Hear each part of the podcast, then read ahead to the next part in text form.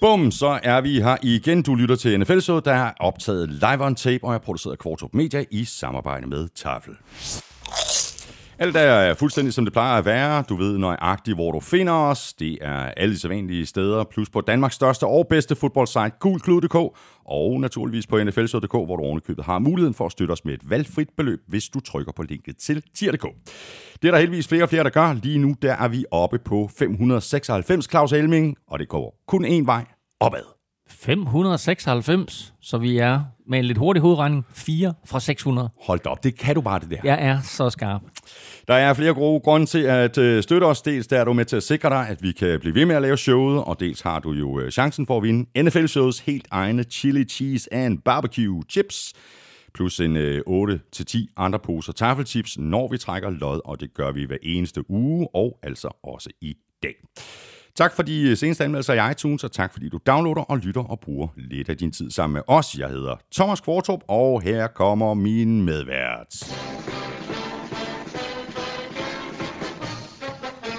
Den havde du ikke regnet med, den her Claus Elming.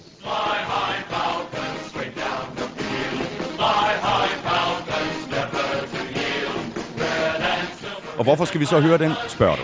Ja, det spørger jeg om, fordi de er ikke flying high. Nej, det er de bare ikke. Øhm, det er fordi, at Falcons er de bedste til at tabe. Det er der ikke nogen som helst tvivl om. Der er aldrig et hold, der har tabt så stort, øh, eller har tabt efter at være foran så stort to uger i træk, som Falcons de har Hold gjort. nu op her. Jens Kærgaard Frederiksen på Facebook skriver sådan her. Send chips til Atlanta. De trænger til noget at glæde sig over, hvis Dan Quinn ikke bliver fyret. Så må han gætte på lørdagens lottotal, fordi så er han om nogen lykkens gudinde. Ej, det ser ikke godt ud for Dan Quinn, og det ser heller ikke godt ud for Adam Gase i New York Jets. Nej, det gør det godt nok ikke. Uh, Martin uh, B. Vangsfeldt, han skriver også om Falcons og uh, Dan Quinn på uh, Twitter. Han skriver sådan her, nu må ledelsen handle og få smidt Dan Quinn på porten. Det er for sindssygt, at de gang på gang kan smide så massive føringer. Det er elendig coaching.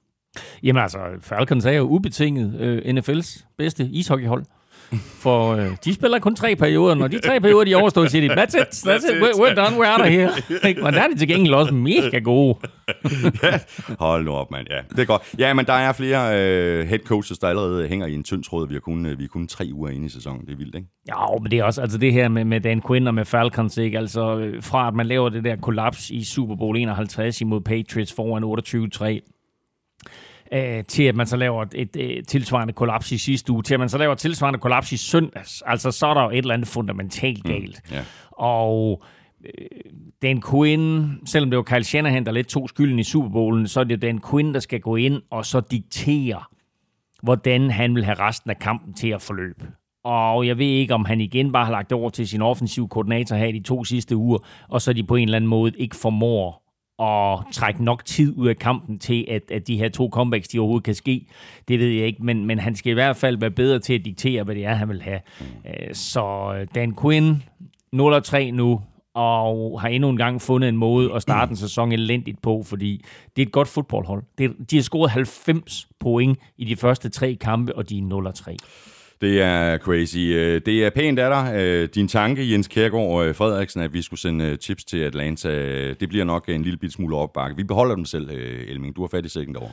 Ved du hvad? Hvis Dan Quinn han bliver fyret nu, så synes jeg faktisk, han fortjener nogle bar- barbecue. Hvad hedder det? Barbecue. Hvad hedder vores Chili, chili cheese and barbecue. Chili cheese and barbecue chips. Ja, og vi har dem ikke endnu. Øh, de skal lige produceres, og de skal lige øh, i nogle fine poser, men vi ja. har nogle andre taffelchips. Ja, Uh, men uh, vi lægger simpelthen ud med den her. Det her det er, jo, det er jo nærmest NFL-showets egen chip, indtil vi nu har fået vores egen chip, exactly. nemlig chili banase. Så kommer der en uh, chipotle cheddar. De er altså også gode. De minder jo faktisk lidt om, kan man sige, om vores egen hjemme. Det jo også er en slags uh, chili og uh, cheddar, eller ost her. Ikke? Så har vi tortilla mix, som jo er sindssygt god. Og så kommer der en her, vi ikke har haft længe. Barbecue chips. En fuldstændig standard, almindelig barbecue chips. Hvad er vi til? Er vi på til den der chipotle cheddar? Er vi ikke Det er nemlig også længe siden, vi har smagt den, er det ikke? Jo, den er god.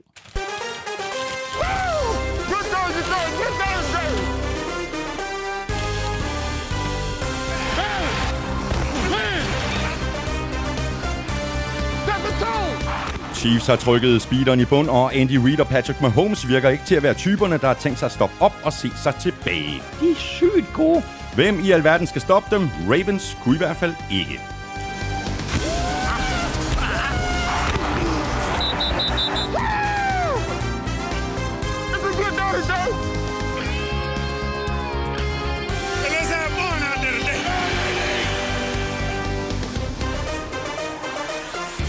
Over halvdelen af kampene i spil u 3 blev afgjort med mindre end en score. NFL er dejligt uforudsigelig, og i Chicago, der skiftede de Mitchell Trubisky ud med Nick Foles, og så vandt de.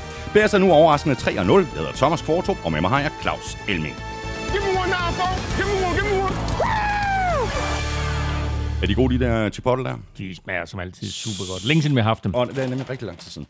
Ved du hvad, øh, Elming, vi kan jo begynde med lidt øh, danskerdong, eller det modsatte, fordi øh, Hjalte, han fik jo ikke lov til at starte, selvom der ellers var snak om det før kampen. Ej, det er lidt ærgerligt. Øhm, vi har selvfølgelig håbet på, at med skaden til center David Andrews øh, og en operation øh, og ham på Injured Reserve, at der var det Hjaltes tur. Nu har, han, nu har vi hørt god forlyden om, at han var klar til at overtage på en af de tre indvendige positioner. Men øh, i stedet for, så rykkede øh, Patriots, altså guard Joe Tooney, ind på center, og så hævde de spiller op fra, fra practice squad og justerede lidt rundt. Og dermed så var der faktisk ikke plads til øh, Hjalte Froholt. Og det er klart, at det er skuffende. Det er skuffende for, for os i Danmark som danske fans. Det må også være skuffende for Hjalte Froholt. Og det er lidt bekymrende også, fordi når der kommer sådan en skade, og han trods alt er manden, der ligesom står på depth charten til at skulle overtage, og så de rykker rundt øh, så markant for at undgå, at han kommer ind, mm. så er han bare ikke klar. Mm. Men omvendt, lad os nu tage ja-hatten på. Han er der, og han banker på. Og han, bliver, og han bliver nævnt. Ja, selvfølgelig gør han det. Men altså, man må også sige, at i forrige spilleuge, der øh, brænder øh, Patriots et ekstra point, hvor Hjalte Forhold er inde, og han ser ikke godt ud i processen. Han bliver snydt og overløbet. Og måske er det sådan nogle små ting som det der, som han lige skal rydde op i i sit spil. Um, det, er, øh, det, det er svært at komme ind i NFL, og sådan er det bare. Og han er allerede igennem det her meget, meget lille nåløje, der hedder, at han er i 53-mandstruppen, og faktisk også med på, altså på kampdag. Uh, nu skal vi selvfølgelig have ham igennem det næste nåløje, og vi kender jo Hjalte godt nok til, at vi ved, at han, han uh, giver den alt, hvad den skal have. Han, han træner stenhårdt og offrer alt, for at han kan komme videre uh, og, og blive fast starter. Men første store chance her, var, det var ikke ham, der ikke tog den. Han fik den bare ikke. Nej. En øh, anden spiller, som øh, måske får en chance nu, det er Earl Thomas, der skal til øh, prøvetræning hos Texans. Ja, det er lidt spændende, og det forlyder sådan set, at de mere eller mindre er på vej til at signe ham. Øh, Texans har også behov for noget hjælp i, øh, i forsvaret eller på holdet i det hele taget. Øhm, øh, så det her, det er øh, et interessant move af Bill O'Brien og company, at de hiver Earl Thomas ind, men jo også vildt nok, at en spiller som Earl Thomas af hans kaliber ikke har været på et hold i de første to spilleuger. Som vi har talt om her i NFL-showet, der må være et eller andet, som klubberne rundt omkring ved, og ikke har lyst til at have ind på deres hold i form af en eller anden måde, som Earl Thomas han agerer på, eller hvad det måtte være. Men der kommer også et tidspunkt, hvor man siger, den her spiller er simpelthen for god til, at han skal løbe rundt et eller andet sted, som ikke er i NFL. Mm. Så kan vi lige runde lidt øh, skader. Heldigvis ikke lige så stor og øh, alvorlig en omgang som i sidste uge, som jo var fuldstændig øh, vanvittig, men der er dog nogle alvorlige skader, og også season-ending skader. Øh, defensive tackle Joel Casey, han er blandt andre ude for mm. sæsonen, og det er endnu et hårdt slag for Broncos, det her. Ja, det, det er vildt, så, så skadesramt Broncos er. Vi har jo talt om 49ers, at de har været ramt af et hav af skader, men det har Broncos altså også. En lidt interessant statistik er, at fire af de fem højst betalte spillere på Broncos nu er færdige for sæsonen, mm. plus deres quarterback, plus et par andre spillere. Så altså, Von Miller, der røg ud inden sæsonen, og nu Joel Casey, det her, det var en defensiv linje, som vi glæder os meget til at se, og nu er øh, to af, af de tre største stjerner på den der defensive linje, nu er de skadet og færdige for sæsonen. Mm. Og øh, Bears running back Terry Cohn, han er også færdig for sæsonen. Ja, men han kan, selvfølgelig, han kan så til gengæld smide benene op, og så tænkte jeg, skal da godt, jeg lige nå at få min, øh, min kæmpe kontrakt. yeah. Fordi, øh, det, ej, selvfølgelig, det, det, er også, det er også noget pis at sige, ikke? men altså, han fik en kæmpe kontrakt for 14 dage siden, og det er jo, det er jo derfor, at det er så magtpålæggende for spillerne og for øh, agenterne og, og, så, og mange andre omkring spillerne, at de får de her store kontrakter, sådan så skulle sådan noget som det her ske, jamen så er de sikret fremtiden, fordi Terry Cohen og en, en knæskade af den der kaliber der, det er da ikke sikkert, at han nogensinde kommer tilbage på samme niveau. Så øh, heldigvis har han altså øh, fået kassen og kan jeg se frem til et år nu med genoptræning, og så ser vi ham forhåbentlig på banen igen for Bears. Ja. Hvem skal vi ellers nævne? Chris Carson, Jamal Adams, Chase Young, øh, alle sammen? Ja, hold lige fast ved de to første, ikke? Chris Carson og øh, Jamal Adams, begge to Seahawks-spillere. De er efter test i den her uge meldt øh, skadet, men ikke alvorligt, så vi, der er en chance for, at øh, Jamal Adams i hvert fald bliver klar til weekenden. Chris Carson lidt mere tvivlsom. Og øh, det er selvfølgelig vigtigt for Seahawks på den lange bane. Chase Young, altså, hvor, altså da han udgår der med en fiber i lysken, ikke, så tænker jeg, hvor er det mærkeligt, ikke, at, at du har nogle af de her spillere, som kan spille tre eller fire år i college, øh, uden at blive skadet. Selvfølgelig får man en på skallen en gang imellem, eller, eller får ondt i armen, eller får en over knæet, eller et eller andet. Ikke? Men, men altså får du sådan en fiberskade der, når du kommer i NFL. Altså det, det, er sådan, det er lidt mærkeligt, og igen kan man måske sige, har det noget at gøre med, at de ikke har været i stand til at træne lige så hårdt, lige så fysisk, lige så målrettet i den her sæson, i den her preseason, som de ville have normalt. Det skal lade være usagt, men jeg synes bare, det er underligt, at, at Chase Young han udgår med en fiber på den ja, måde der. Ja. Så er Jordan Reed, han er ude i 6-8 øh, uger med en øh, ledbåndsskade. Ja, og vi to sad jo så fodbold sammen, og, og da han øh, vrider rundt på, på anklen der, øh, og det, øh, det må altså øh, ligne jo, man kan omgående se, at han vrider rundt på anklen, ikke? og øh, da det sker, så sidder du omgående og brokker dig over underlaget på, på MetLife Stadium. Oh, fucking turf, man! men, men altså, det er også sindssygt, ikke, at Fort Niners skal spille på den bane der to uger i træk, og at de lider øh, så mange skader, som de gør. Ja, skal vi lige nævne Christian McCaffrey og Melvin Ingram, øh, de er jo begge to på injured reserve i, i tre uger. Vi vidste, at Chris McCaffrey sad ud, men Chargers melder ud, at Melvin Ingram, det gjorde de øh, her kort, kort før øh, kampstart i søndags, at, øh, at Melvin Ingram også var blevet sat på injured reserve. Og der havde vi faktisk et spørgsmål for et par uger siden, som vi ikke tog med, omkring det her med injured reserve, fordi normalt, når man smider folk på injured reserve, så er de jo færdige for sæsonen, men man må hive to spillere tilbage fra injured reserve. Men på grund af de her covid-19-regler og, og, og de her nye regler, der er lavet i forbindelse med covid-19, hvor man lige pludselig kan risikere, at man har nogle spillere, som får covid-19, så må man altså sætte dem på en tre ugers injured reserve liste. Mm.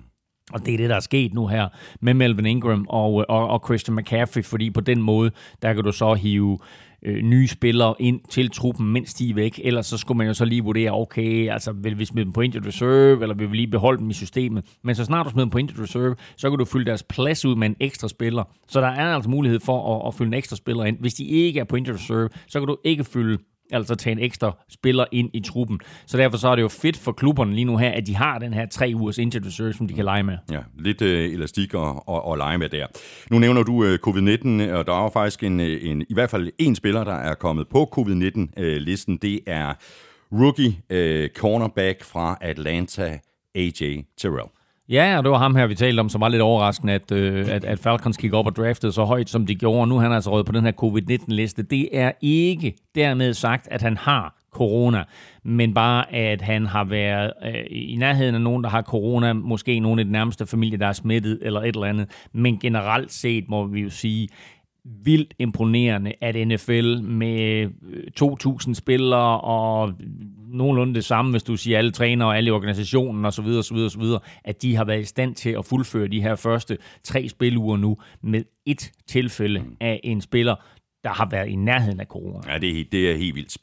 Corona har så også fået indflydelse herhjemme på den danske nationalliga. Den er simpelthen blevet afblæst lige før semifinalerne. Øh, de kan simpelthen ikke leve op til de her krav. Øh, der er, der er bare for mange mm. spillere øh, og trænere på de her hold til, at det kan lade sig gøre. Det er super ærgerligt. Ja, men det er jo vildt, vildt ærgerligt. Altså, DAF, Dansk Amerikansk Fodboldforbund, var selvfølgelig lykkelig for, at sæsonen blev skudt i gang, og, og vi fik selvfølgelig en amputeret sæson, men alt var gjort klar til, at der skulle spilles Mermaid Bowl i Vejle den første weekend i, i oktober. Men altså med et forsamlingsforbud på 50, der kan du nærmest ikke stille et, et, et hold, og hvis du så skal have et hold over på den anden side, mm. når du skal have dommer, og du skal have alt muligt osv., der er det øh, fuldstændig umuligt at, at spille fodboldkampe. Så der kom, bliver ikke kåret nogen dansk mester i 2020, og dermed så står det også fast, at jeg ikke kommer til at tilbringe juleaften i en Packers-trøje i år. Nå ja, det var så kønt sidste år. var der ikke noget med, at Jæver han smed dig ud på altanen, eller et eller andet? Stod der jeg, må da ikke, jeg må da ikke være inde i familien Elmings hjem i en Packers-trøje. Vi skal have quizzen. Åh. Oh. Det er tid til quiz, quiz, quiz, quiz, quiz. Jeg spurgte dig, inden vi gik i luften, om du ville have en eller to quiz, og der sagde du meget demonstrativt en. Så du får en, og så får du en ekstra quiz til sidst. øhm, øh, hvad hedder han? Jeg vil kalde ham uh, Rob Gronkowski, men det passer ikke. Det er Steven Gronkowski. Ja. Han sparkede seks field goals i weekenden. Yes, og blev nomineret til ugens spiller i uh, NFL-show. Det gjorde han nemlig. Og tre af dem var faktisk over 50 yards, inklusiv hans game winner. på, øh, på 55. Øh, dermed så er han nu op på 29 field goals i karrieren på over 50 yards. Det er faktisk præcis halvdelen af ham, der har flest. Wow. Hvem er det? Så altså kort fortalt, hvilken spiller i NFL's historie har sparket flest field goals over 50 yards? Godt så. Can't do it. Ja, øh, det kan godt være, jeg kan alligevel. Nu skal du have øh, det quizzen her fra øh, Søren Armstrong. Han skriver sådan her. Gentagelser, kopier og generelt bad taste. Denne uges quiz bliver nok bare copy-paste. Fordi hvordan i himlens og i Roger Goodells gode navn kunne Chicago vinde, mage til crazy nyt kollaps bliver svært at finde. Dan Quinn bortgiver sejre i flæng og leger Santa. Måske ligger svaret simpelthen bare i Atlanta. Bills sejr var aldrig i nærheden af at være i fare. Hm, hvilke fire quarterbacks sigter og rammer bare. Armstrong er jo mega Bills fan. Og det er derfor. Øh, og den var faktisk i far, den billede. Ja, det var Nå, den. fire quarterbacks. Fire startende quarterbacks har ingen interceptions endnu i år. Hvilke fire? Ja, Kirk Cousins er en af dem. Det er svært. Prøv lige at se her. Prøv lige at se her. Uh, uh, Armstrong, han har faktisk skrevet nedenunder quizzen. Uh, hjælp. Ikke Kirk Cousins. altså bare hvis du skulle være i tvivl. Nå, det er godt. Jamen, ved du hvad, Emil, der er lidt at tænke over der for dig også. Øhm, så går vi i kampene. Vi begynder med øh, Thursday Night-kampen, øh, som også var kampen mellem fuldskæg og overskæg. Hvad er smartest? Det er stadigvæk et åbent spørgsmål. Faktum er, at Fitzpatrick var Fitzmagic, især i begyndelsen af kampen, hvor han completed de første 11 kast for 123 yards, to touchdowns og en passer rating på 152,8. Fitz sluttede kampen med 18 af 20. Et af dem var til sig selv, og Dolphins vandt noget overraskende ud over Jaguars med 31-13. Og så kom de på tavlen, Elming. Det gjorde de, og det var faktisk tredje gang i karrieren, at Fitzmagic har kastet et kast til sig selv. Er det rigtigt? Ja, det er lidt crazy at tænke på. Det er ikke så tit, det sker, men uh, han har været i ligaen så lang tid, så han nu altså nu har tre completions til sig selv. Bolden slår op, han griber den selv og løb så for 0 yards. Det havde været lidt sjovt, hvis, uh, hvis han havde scoret på den der. Men han har om nogen quarterback styr på Jacksonville Jaguars. Fordi han har nu, som den eneste quarterback i NFL-historien, seks sejre som startende quarterback over Jacksonville Jaguars for seks forskellige klubber. Det blæret. Altså, det er jo lidt crazy at tænke på, fordi man sidder og tænker, Ryan Fitzpatrick, øh, Fitzpatrick, han er sådan det, man kalder en journeyman, altså sådan en, en omrejsende quarterback, som ikke rigtig kan finde et tilholdssted, og ikke er dygtig nok til at komme ind på noget hold, eller i hvert fald fastholde sin plads. Og så ryger han sådan fra klub til klub. Men uanset hvor han kommer hen, der ender han med at starte. Og uanset hvor han kommer hen, der ender han med at vinde kampe. Hmm.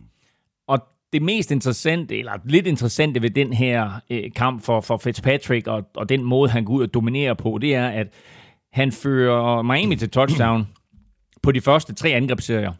Det har Miami ikke gjort siden 2011. Alle de unge spillere omkring ham, som, og fans for en sags skyld, tror jeg, som har ventet på Tua Tonga de kigger bare på Fitzpatrick, og så siger de, hold da kæft. Mike, Mike Gesicki, den her unge øh, super tight end, de har ude og sige bagefter, han er 37 år gammel, Fitzpatrick, men han spiller som en på 23, mm. og vi har det skide sjovt sammen. Jeg hygger mig virkelig med ham. Mm. Og for Tua, Tua Tagovailoa, der er det jo helt genialt det her. Al presset er taget af knægten. Han kan sidde og vente og kigge og lære og blive klar. Og det kan ikke være en bedre situation for ham. Mm. Det er klart, at hvis man kigger på Fitzpatrick som fremtidens quarterback, så er det ikke løsningen. Han er 37 år gammel, som sagt, for Miami Dolphins. Men altså, han spiller virkelig, virkelig godt. Og han spiller virkelig, virkelig godt i den her kamp. Og de vinder jo stort og overlegent. Han kaster to touchdowns og løber en ind selv. Mm. Hvad med øh, quarterbacken på den anden side af bolden? Øh, Minshew øh, så måske en, en, en smule ukomfortabel ud i, i lommen. 42 kast for 275 yards og to turnovers. Øh, de problemer, som Minshew havde i den her kamp, skyldes de hans øh, uerfarenhed, eller skal vi også give en del af, af credit til øh, Dolphins forsvar, som jo mere eller mindre tog alt væk? Ja, altså 30 af 42 var han ramt på 30 kast. Øh, han kaster, er ikke tre touchdowns, og så kaster han to interceptions. Den ene er sådan lidt so-so, den anden det er helt klart hans skyld. Øh, men øh, du har ret. Han var, øh, han virkede ukomfortabel. Jeg synes, Dolphins spillede godt hele vejen rundt. Vi så forsvarsspil fra dem af en kaliber, som vi ikke har set i år, og, og store dele af sæsonen sidste år, så vi det heller ikke. De fik uh, lagt pres på ham, de fik tvunget ham ud i nogle situationer, han ikke uh, havde lyst til, men han blev heller ikke hjulpet af sit hold. Der var tabte bolde, og især Chris Conley havde et par tabte bolde, som burde have været grebet, og som var på markante tidspunkter, hvor de kunne have fået første down og kunne have fortsat angrebsserie og få sat nogle point på tavlen, og så var det ikke blevet det her runaway train, som det endte med at blive. Så var det ikke blevet 31-13, så var kampen blevet tættere. Mm. Vi lige nævne øh, James Robinson, 129 total yards og to touchdowns. Øh, den her undrafted uh, running back for, for Jaguars, han spillede en, en rigtig god, uh, god kamp. Ja, han scorer touchdown, og han har over 100 yards samlet, fordi han også griber en hel del bolde. Og uh, så kan vi lige nævne her til sidst, at øh, Jaguars jo har mistet kicker Josh Lambo. Hvor lang tid ved vi ikke helt, men de satte så en rookie kicker ind, der hed Brandon Wright. Han missede et ekstra point og blev skadet, så derfor så har de nu hævet Steven Hauskan, den tidligere Bills kicker. Jaguars, de er 1 og 2. De spiller ud mod Bengals. Dolphins, de er også 1 og 2, og de får besøg af Seahawks. Og så videre til øh, 49ers reservehold, der for anden uge i træk tog sig kærligt af et af New York-holdene. I forrige uge, der gik det ud over Jets, og i weekenden, der gik det ud over Giants, der tabte med 36-9. Det der med, at Giants vinder divisionen, Elming, det kan vi godt glemme, ikke? Uh, it's, it's gonna happen. sometime. ja, sometime. Bare ikke, bare ikke lige i år. Um, nu talte vi lige om Jacksonville Jaguars. De har jo haft Minshew Mania, og det blev ikke mindre af, at de vandt i spil u over Colts. Så har de så tabt to kampe siden, men Minshew Mania eksisterer stadigvæk. Nu spørger jeg dig som 49ers-fan. Er det, vi kigger på lige nu, er det Mullins Mania? Nej, det er det ikke. Fordi Nick Mullins Ja, kommer ind, godt. Ja, ja, jeg ved og godt. det kan godt være, at det er en billig baggrund Ja, at brillere ja, på, ikke? men ja. han rammer på over to tredjedel af sin kast. Mm. Han kaster for over 300, 343 yards mm. og touchdown, og ser det hele taget skarp ud. rigtig skarp her- ud og konverterer øh, 8 af 11 på, øh, på tredje down. Præcis. Og jeg kan faktisk, altså, der, der er selvfølgelig en hel masse at snakke om. Er der nu quarterback controversy i øh, San Francisco? Øh, Nick Mullins op mod øh, Jimmy Garoppolo. Jeg har det bare sådan, jeg, okay, på den ene side har jeg det faktisk lidt sjovt med, at øh, når, når Mullins er inde, så føler jeg mig faktisk måske en lille smule mere rolig. Er det rigtigt? Ja, det Big- gør big surprise. Nej, det gør jeg faktisk. Men du tager øh, Nick Mullins på sit topniveau, mm. og du tager Garoppolo på hans topniveau, mm. så er der ikke nogen, altså, der er ikke nogen sammenligning. Har, altså, hvis, har hvis man, Garoppolo topniveau? Ja, det ved du da. Han spillede en fremragende sæson sidste år. jeg tror, altså, hvis, hvis man gerne vil have den der controversy, så er det enten fordi, man gerne vil have drama, eller fordi man bare ikke kan lide Garoppolo. Eller begge dele. Nå, men som du siger, han rammer, han konverterer 8 ud af 11 tredje downs til første downs, og 49ers kommer til øh, inden, inden for scoringsafstand på, på samtlige deres drives, hvilket betyder, at hvem var arbejdsløs i den kamp her? Wisnowski. Ingen, Mitch, ingen, ingen pons. Mitch Wisnowski, 49ers punter, kom ikke på banen. Og øh, det er første gang siden 1993, at 49ers ikke har puntet. Ja, det, er- det er fuldstændig vildt, ja. Øhm, som du også sagde, nu er det måske øh, lidt på en billig baggrund med de her to øh, 49ers-sejre i øh, New York, men alligevel, altså det virker næsten sådan helt Patriots-agtigt, øh, at det er sådan next man up. Et meget godt eksempel, det er Ross Dwelly, øh, der kommer ind, altså backup, backup tight end, øh, dengang, hvor Jordan Reed går ud, spiller en, en, en, en rigtig god kamp. Der er faktisk et spørgsmål her fra Mark Andersen, øh, skriver sådan her, kan vi virkelig afvise, at Kyle Shanahan ikke ville kunne samle 11 tilfældige homies i en lokal netto, og stadig lamme til hold som Giants og Jets? han har jo lige bevist, at han kan lamme til. De 49ers stiller op uden 10 starter. Det er helt vanvittigt, at er de to, det, det man betragter som starter, det er de 22 spillere, der starter 11 på angreb og 11 på forsvaret. Af de 22, der mangler 49ers 10, og de knuser Giants, og de knuser Jets. Altså, for at svare på spørgsmålet, altså han kunne stille op med Snedid som quarterback, og så de syv små dværge, og, og de tre små grise, og så, øh, og så stadigvæk vinde kampe, ikke? Hvad siger du til øh, Daniel Jones? Ah. Virker han ikke upræcis, hva'? Han virker upræcis, og han virker en lille smule skræmt, og det hjælper heller ikke, at Giants jo overhovedet ikke har kunne løbe bolden i år. De kunne ikke løbe bolden med Saquon Barkley, og så hiver de Devonta Freeman ind, og den der duo eller trio, de nu har på running back, de får absolut intet til at ske, og så hænger det hele på Daniel Jones. Og selvom jeg, jeg kan faktisk godt lide ham, jeg synes, han, han, havde, han viste nogle ting sidste år, som jeg synes var, havde godt potentiale, og som, hvor der var noget at bygge på, så har de jo ikke formået at fortsætte det niveau, og selvfølgelig gør det ondt, at, at, øh, at både deres venstre tackle øh, vælger at sidde sæsonen udenfor, og, og øh, så også, at de mister Saquon Barkley. Men det her Giants-mandskab, det, jeg synes, de så godt ud i spil u 1. De har ikke set godt ud de sidste to spil Og Giants, de er 0-3, de spiller ude mod Rams. For Niners, de er 2-1, og de spiller hjemme mod Eagles, og det gør de Sunday nights. Så er vi videre til to hold, der ikke rigtig ønskede at vinde. Eagles Bengals sluttede 23-23, efter at de to hold de fedt spillede den i uh, overtime. Asger Jørgensen skriver til os, kan afslutningen på Eagles Bengals få en omvendt ugens spiller? Kedeligt ikke at give det et sidste skud, når der var sekunder på klokken. Og vi sad jo og så den her mm. afslutning, Elming.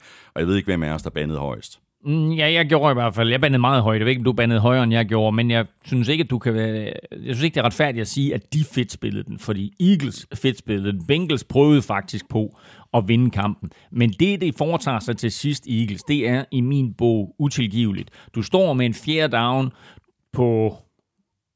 De kigger på et 59 yard field goal, så det, det er på Eagle, eller det er på Bengals 41 linje. De står på Bengals 41 linje med 19 sekunder igen og står og kigger på et 59-yard field goal, hvor de står og overvejer, skal vi sætte Jake Elliott ind til at forsøge at sparke en game winner her. Hvis, de, hvis han misser den, så overtager Bengals på egen 49 linje med 19, ah, lad os sige 14 sekunder, ikke enagtigt. Så, så får de en 5 straf. Der er stadigvæk 19 sekunder tilbage, men nu kigger de på et 64 yard field goal. Og der beslutter Doc Peterson, head coach for Eagles, sig for at ponte. Det er i min optik fuldstændig utilgiveligt. Du kan gøre to ting. Du kan sætte Jake Elliott ind. Han har før bevist, at han er iskold i pressure-situationer. Han har før bevist, at han har benene til det. Han har sparket 62 yarder. Jeg tror, han sparkede en 62 yarder sidste år. Han har også sparket en 62 yarder imod Giants som rookie for to år siden, så han har benene til det. En 64 yarder, det, det, det burde han kunne lave der. Om han så er præcis nok og rammer den alt det der, det er selvfølgelig, hvad det er. Men du giver dig selv chancen for at vinde. Eller du kan gå efter den på fjerde down, få en første down, gøre dit field goal forsøg en lille bit smule mindre, men i hvert fald tage 5-6 sekunder af klokken, så giver du Bengals bolden tilbage på omkring midterlinjen, men med 11-12 sekunder tilbage, men du spiller trods alt mod en rookie quarterback.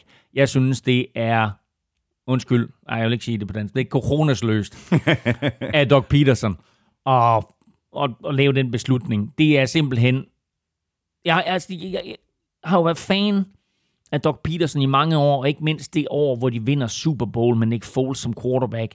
Det angreb, de fik skruet sammen, det er den måde, de havde øh, offensiv tilgang til det. Men at gå Og ud hvor til... de i sandhed har coronas, også i Super Bowl. Præcis. Lige nøjagtigt. Og her, de er 0-2. Det kan også være, at det er en forskel, at de vil ikke risikere at gå 0-3. Men er der så stor forskel på at være 0-3 og så være 0-2 1 og gå fra den her kamp med sådan et mentalt nederlag, som det er, og beslutte sig for at fucking, undskyld mig, ponte med 19 sekunder igen fra modstandernes banehalvdel. Au, jeg synes, det er pinligt. Ja, det er tyndt. Spørgsmålet er, om øh, Bengals ikke skulle have vundet den her kamp i den øh, regulære spilletid. Altså, de var i red zone to gange alene i fjerde kvartal, og de kom derfra begge gange med field goals. Hvem- undskyld, hvem siger du? Bengals. Jamen, det er en udfordring for dem, at de ikke er skarpe nok i, uh, i red zone. Jeg mener, jeg skrev en statistik op, gjorde jeg ikke det? Ja, den har jeg ikke lige her. Men, uh, men de, de, de formår ikke at score nok touchdowns, når de kommer i red zone. Det har faktisk været deres udfordring i alle tre kampe indtil videre. Nu er de jo også 0-2 og 1, hvor jeg synes, at det var pinligt for Eagles ikke at gå efter sejren, så får Bengals jo aldrig chancen for at gå efter sejren. De får den her uafgjorte, og det er selvfølgelig en start på karrieren for Joe Burrow. Det er ikke en sejr, men han har vist i de første to kampe, at han havde potentiale til at vinde, og nu her får de så en halv sejr, som man jo kalder det øh, i amerikansk sport. Og det er trods alt en start for Joe Burrow, men de skal blive bedre til at konvertere red zone situationer til touchdowns. Til gengæld vil jeg sige, samarbejdet mellem Joe Burrow og den anden rookie, T. Higgins. De to var jo modstandere i college. Her der er de altså blevet holdkammerater. Det ser godt ud. Joe Burrow kaster to touchdowns til, til T. Higgins, og jeg synes jo, at T. Higgins øh, så øh, stor ud. Så et, et godt, øh, stort våben, han har så der, Joe Burrow. Bestemt, men de skal passe bedre på ham. De skal have, have styr på den der offensive linje. Han bliver sækket otte gange. Jeg tror faktisk også, vi talte om det i sidste mm. uge, Elming, at, at nu, nu skal vi ikke have sådan en ny... Øh, øh, Andrew ja. Luck-situation, øh, fordi han, han bliver altså sækket otte gange, og han fik en ordentlig en på låget af, hvem var det, Malik Jackson, mener jeg, det var, ikke? Præcis. Og jeg havde faktisk en Twitter-udveksling i går med Mathias Sørensen fra Gud Klud og det ovale kontor omkring, om den var lovlig. Han er mega Bengals-fan. Og han siger, at det er ulovligt, og det er for sent hit, og det er den slags NFL, de vil af med. Hvis han får en bøde, Malik Jackson, et, så vil jeg blive overrasket, og to, så vil jeg trække alle mine ord tilbage. Men ellers, så skal knægten lære at slippe bolden, og så vil det være en god idé, hvis, hvis Bengals de gav ham en linje. For ja, jeg synes, ja. det hit der for Malik Jackson, det er et NFL-hit. Det er, han, er, han bruger skulderen, han rammer ham i brystkassen. Det er benhårdt, og det er en velkommen til NFL-rookie. Ja, men du skal bare lære at passe på dig selv, fordi igen, det her det er ikke college football. Det her det er ikke college. Det her det er alle de bedste fodboldspillere, der er samlet et sted. Du mødte som high school spiller en spiller, max to måske, der var lige så god, som du var. I college, jamen han viste sig jo i de, i de sidste år, der Joe Burrow, at han var den bedste, og der var der selvfølgelig nogen omkring ham, som var gode, og som også spiller i NFL nu. Nu her, der har du samlet de 2.000 bedste spillere igennem de sidste 10-15 år. Et sted, nemlig i NFL, og du møder dem hver uge. Lær det, og lær det hurtigt, rookie, for ellers så kommer det til at gå ondt. Bengals, de er 0-2-1. De spiller hjemme mod øh, Jaguars. Eagles, de er også 0-2-1, og de spiller ud mod 49ers. Colts, de vandt øh, let og ubesværet, fuldstændig som forventet, med 36-7 hjemme over Jets. Øh, og det virker til, at øh, Philip Rivers, han... Øh, finder sig bedre og bedre tilpas i Frank Reichs øh, offensiv system. Øh, han står også bag en god offensiv linje, og, og der var ikke meget pres for, fra øh, den her Jets defensiv. Det var der ikke, og den vi talte om i sidste uge, den her øh, nye kombination, den her nye quarterback til basketballspiller-kombination, som vi nævnte sidste uge. Philip Rivers, der jo så mange år havde succes med Antonio Gates i San Diego Chargers.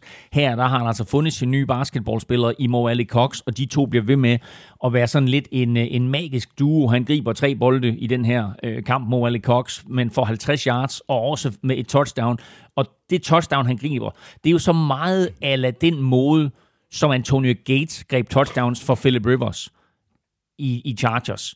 Øh, En høj bold ned i bagenden af endzone, og så bare op og hente den, ikke sige, jamen her er basketballspiller, gå op og rebound den her. Mm, mm. Det scorede Antonio Gates, den tidligere basketballspiller, masser af touchdowns på, og det gør med Wally Cox her.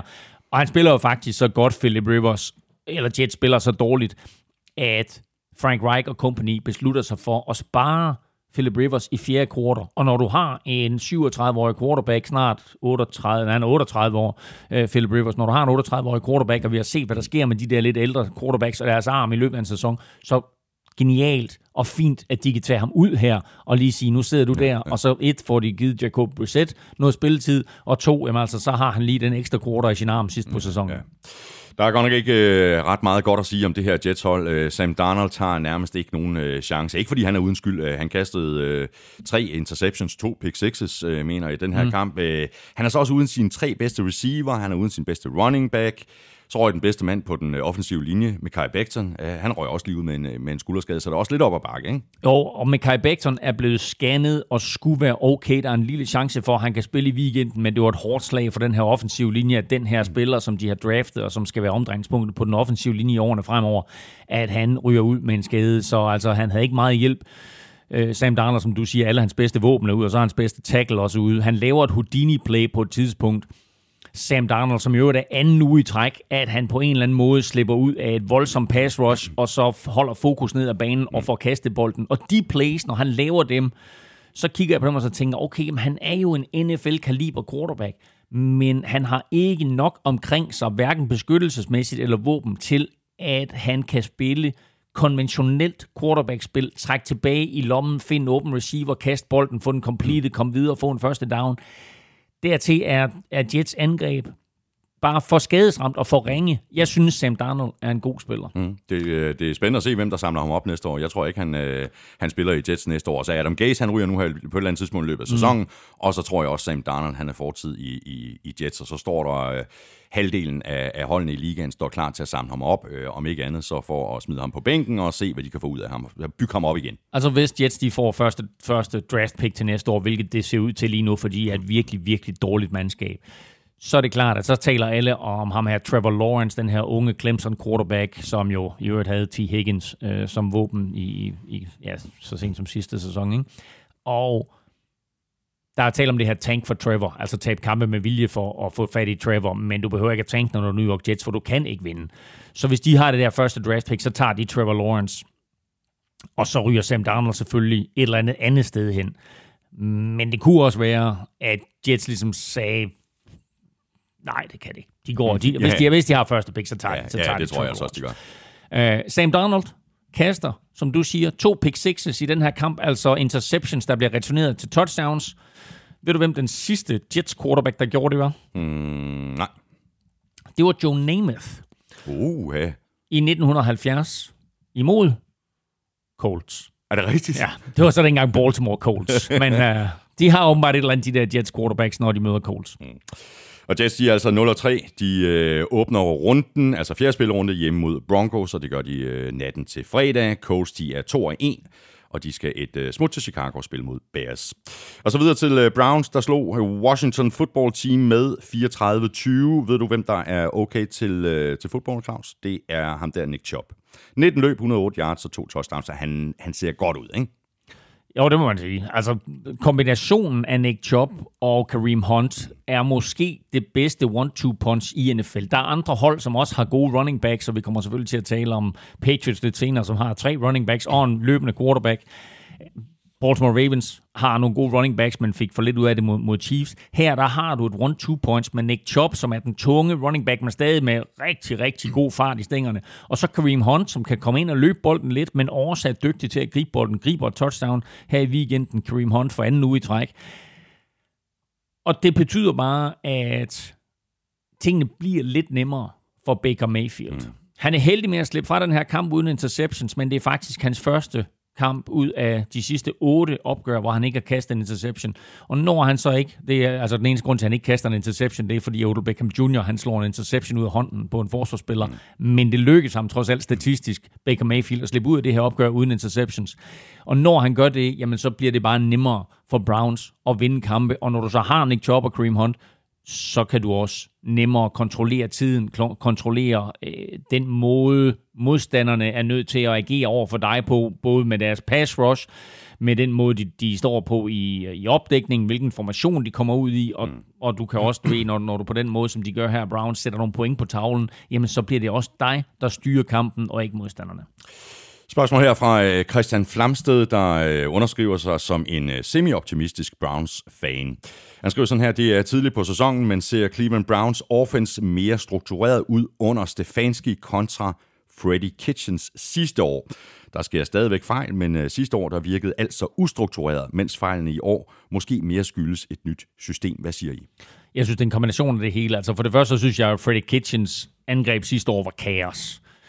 Og man skal også tænke på Freddie Kitchen, som vi også har talt om her i NFL-showet. Han går fra at være running backs coach til, at han bliver opgraderet til offensive coordinator, til at han bliver opgraderet til head coach på, hvad, seks måneder, aktivt eller andet. Ja. Så på den måde, der blev det hele bare lidt, lidt for hurtigt, og baseret lidt for meget på entusiasme, og sådan, hey, du har gjort det godt, aktivt, i stedet for lige at vurdere situationen og sige, er Freddie Kitchens nu den rigtige mand som head coach? Så det der år sidste år, var det svært spildt over for Browns. Det hjalp heller ikke, at de to tackles, de havde, var decideret elendige, altså på den offensive linje. Og der går de jo ind i år, som vi har talt om, både vores draft-optagter og vores draft-nedtagter, og efterfølgende også, øh, at gå ind og, og opgradere på den, på den offensive linje med Jarek Will, Jedrick Willis, øh, som de drafter, og øh, så, øh, hvad hedder han, ham der er kommet til fra, fra Titans, øh, Jack Conklin. Og det har bare vist sig at være rigtig, rigtig godt, og det er rigtig, rigtig godt for eksempel for en Nick Chubb, og rigtig, rigtig godt for en Baker Mayfield. Og så får de Stefanski ind, som har en erfaring i at bygge et struktureret angreb. Så jeg synes, alle tingene i det spørgsmål der, som... Øh, hvem stillede det?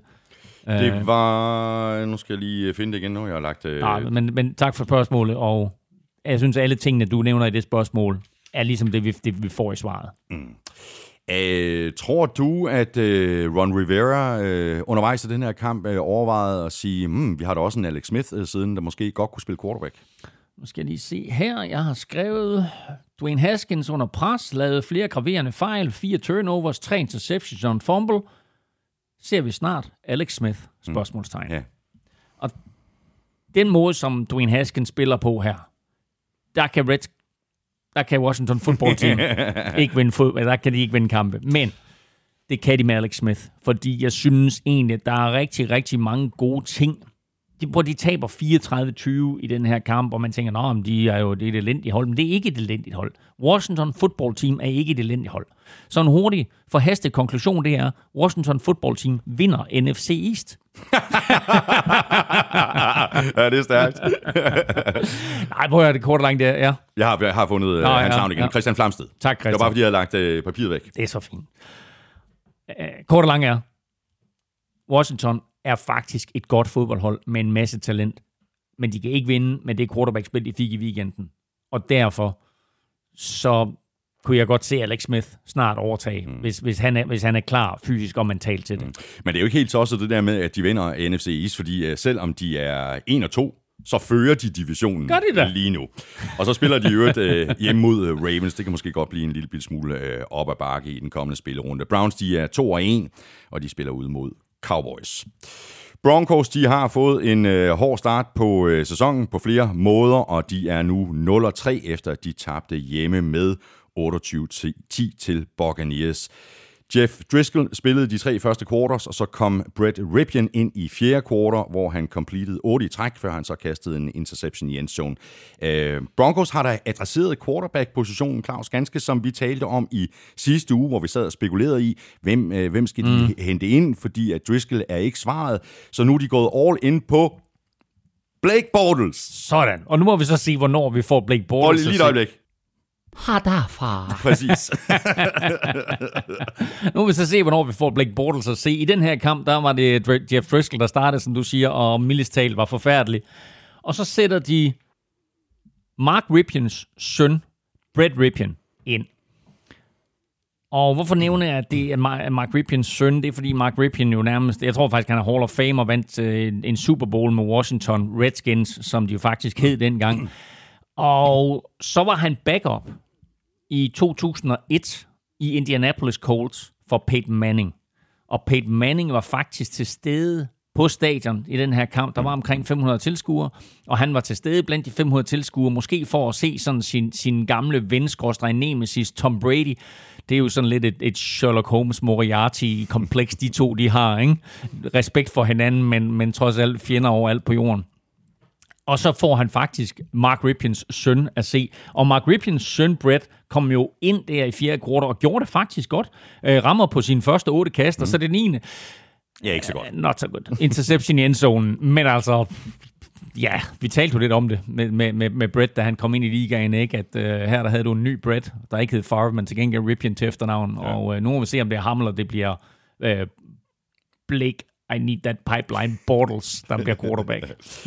Vi øh, talte jo rigtig meget øh, Buccaneers op til sæsonen, og vi hypede øh, potentialet for det her øh, angreb med Brady og Gronk og, og alle de andre. Men det er vel i virkeligheden Buccaneers forsvar, mm der, der spiller bedst i øjeblikket. Ikke? Der er stadigvæk noget timing, der, der virker til at skulle på plads på angrebet. Der er noget timing. Der er stadigvæk... Altså, de har jo selvfølgelig også været ramt af skader. Buccaneers, øh, han har ikke haft Chris Godwin til rådighed. Det har han i den her kamp, Tom Brady, og så kaster han et, et touchdown til ham. Han kaster også to touchdowns. Han kaster to bolde til Mike Evans for to yards og to touchdowns. altså, det er jo simpelthen den moderne udgave af Jerome Bettis, jo. så, øh, men ellers må vi sige, uh, Tom Brady, han har traditionelt, han har traditionelt haft det svært på Mile High. Der er jo et eller andet med, sådan nogle, nogle upumpede bolde, de flyver bare ikke godt i den tynde luft der. Ej, undskyld. Nå. Øh, men han har traditionelt haft det svært deroppe, ikke? Altså, han, øh, han har spillet op 11 gange, øh, eller 11 gange inden i søndag, så han var 4-7 i karrieren. Nu er han så 5-7 i karrieren. Der er momenter af rigtig godt spil fra Tom Brady. Han finder også Gronkowski seks gange. Første gang, vi ligesom ser Gronkowski have en rolle på det her angreb. Men der er stadigvæk for mange mærkelige kast imellem, og for mange mærkelige ting imellem. Der er også et, øh, der er et, et kast fra Brady her, som egentlig bør interceptes, øh, hvor han laver en playfake, og så ligesom vi så i sidste uge, kaster sådan et sted hen, hvor der bør være en receiver, men ikke er det. Så der er nogle timingsting, og der er noget, som de skal have på plads, men altså generelt, som du siger også, forsvaret spiller virkelig godt for Buccaneers. Det vidste vi jo egentlig godt på forhånd, at de havde et talentfuldt forsvar, men det er dem, der har været en positiv oplevelse indtil videre. Og så stille og roligt, så får Bruce Arians, Tom Brady og alle andre øh, til at, at, at forstå hinanden og komme på the same page, som man kalder det. Bucks, de er 2-1. De møder Chargers hjemme. Broncos, de er 0-3, og de spiller ude mod Jets Thursday night. Og så kom øh, Panthers på øh, tavlen. De vandt med 21-16 ude over Chargers. Rookie quarterback Justin Herbert spillede faktisk en uh, rigtig fin kamp for anden uge i træk. Øh, han kastede så en dyr interception i slutningen af første halvleg.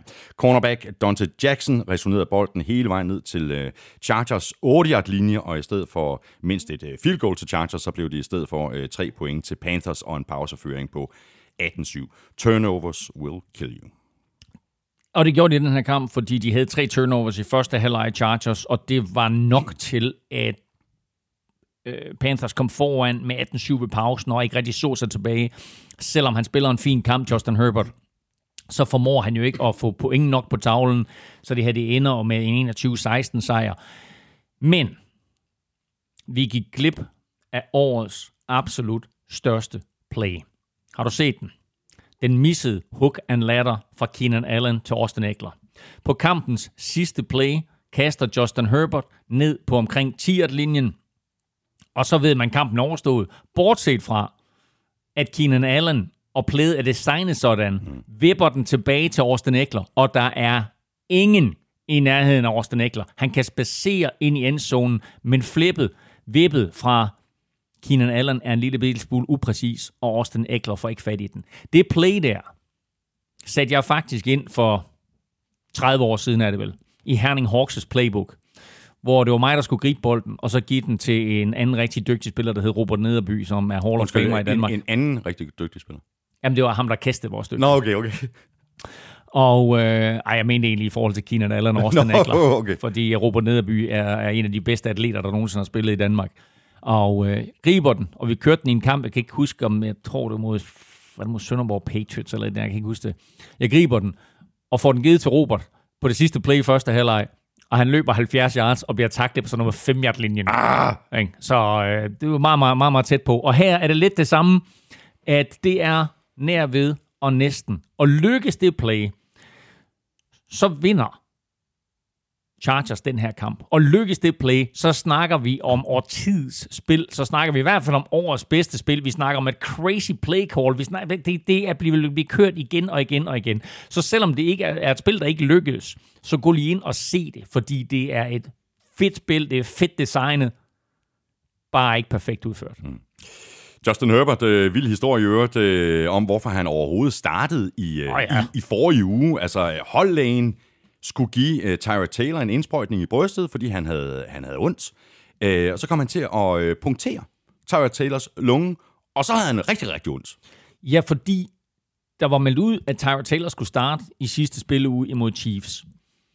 Og så lige pludselig så ser vi ham sådan sidde på sidelinjen, og Justin Herbert kommer ind og skal spille, og vi tænker, det er jo bare fordi, de ikke vil gøre den her unge knæk nervøs inden kampen, så siger de til ham til allersidst. Men som du fortæller der, så er der en holdlæge, der skal give Tyra Taylor en indsprøjtning, og i den proces kommer til at punktere hans lunge, så Tyra Taylor bliver kørt på hospitalet og så videre. Og er efter sigende i god behold, men har mistet sin starterplads nu, og hvordan reagerer hans lunge og sådan noget. Altså, jeg har jo selv haft en punkteret lunge, og det er ikke skide fedt at skulle arbejde med.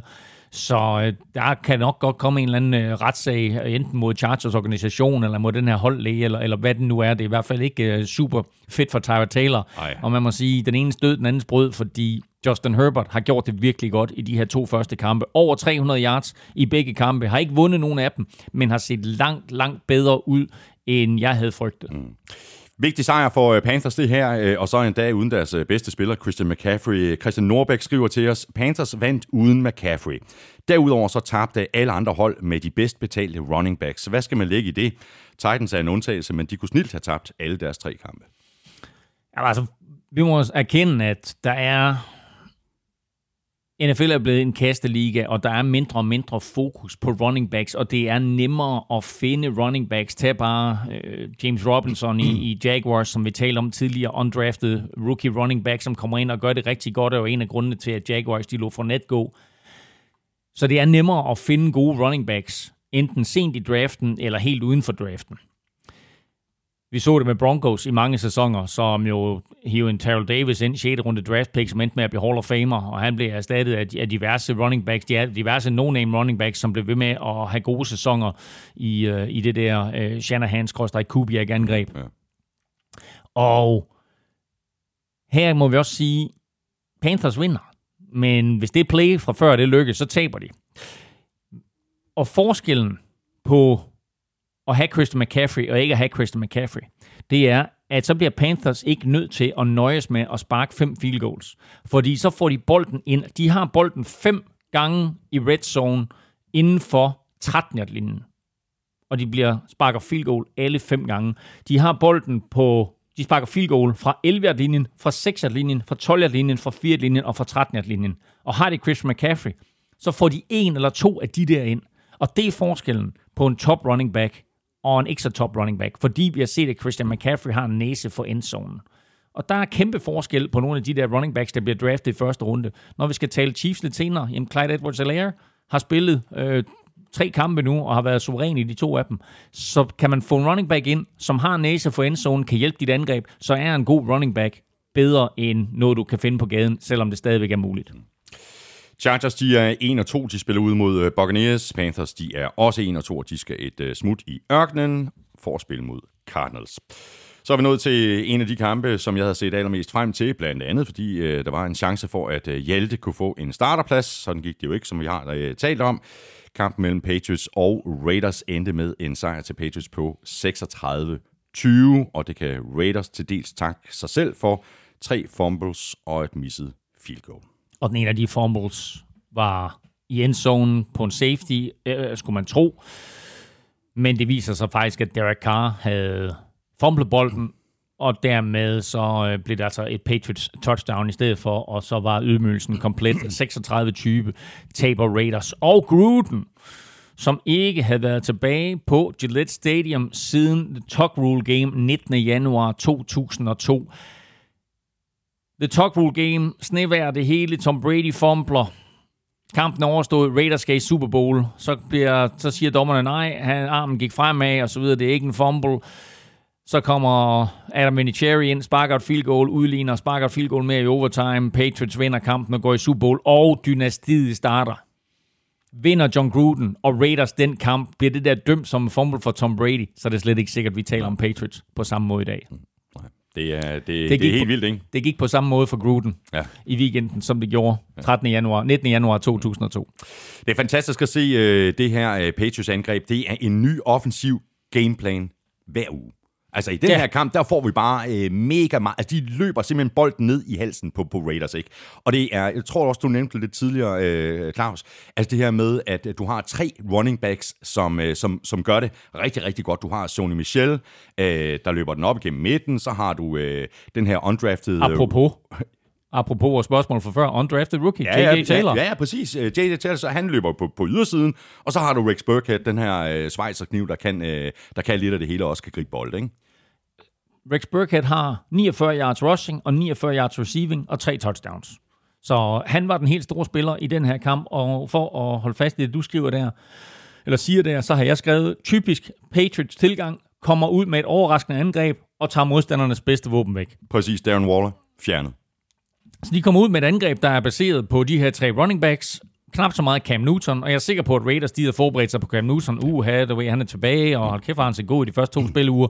Cam Newton, han, han øh, har under 200 yards passing og under 30 yards rushing, så han er en, en øh, hvad hedder sådan noget, øh, minim, altså, ja, hvad hedder sådan noget, øh, han er ikke eksisterende i den her kamp, lad os bare kalde det det. Det er, det er de tre running backs, det drejer sig om, og så præcis det der med, at Patriots fandt en måde at tage Darren Waller ud af kampen på, hvad enten det var at dække ham op med Stefan Gilmore, eller det var at bracket, øh, lave noget bracket coverage på ham, hvor man starter med en spiller, så lader en anden spiller overtage ham, eller øh, bruge nogle af deres lidt højere spillere til ligesom at sige, okay, men fint nok, vi ved, Darren Waller han er en stor dreng, og han er svær at dække op, så sætter vi vores højeste spiller på ham, som har de fysiske egenskaber til at tage ham ud af kampen.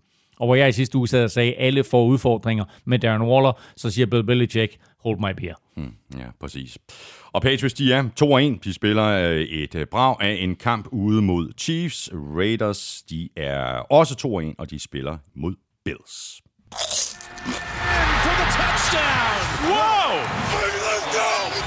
Ugens spiller præsenteres af Tafel. Nu er vi øh, halvvejs gennem kampene. Det betyder, at vi skal have trukket lod om en øh, hulens masse tafelchips. De nominerede i ugens spillerkonkurrence var Goskowski, Coach Defense og for tredje uge træk, Russell Wilson. Hvad alverden skal vi gøre? Vi er jo nødt til at nominere Det er manden, ikke? fuldstændig, fuldstændig latterligt, man spiller. Altså, Fuldstændig øh, vanvittigt. Han vandt sørme også øh, for tredje uge træk. Ja. Coach, Og, øh, Coach Defense fik 13% af stemmerne, Goskowski fik 28%, og Wilson fik 59%. Wow. Men prøv at vi gjorde det på en anderledes måde den her uge, netop fordi vi valgte, vi kunne sagtens have, også fordi med, med Mahomes' indsats i nat, kunne vi jo sagtens have valgt ham, men nu springer vi jo Monday Night over. Ja, det er vi lidt nødt til, så folk har en chance for at svare, ikke? Præcis, så derfor så ha- havde han jo altså ikke mulighed for at være med i den her konkurrence. Nej. Men vi tog en special team-spiller, vi tog et forsvar, og så tog vi en individuel præstation, og der var der bare ingen over Russell Wilson. Elming, du er lykkenskud. Og jeg ryster lidt her, og der er mange i den her uge, Thomas.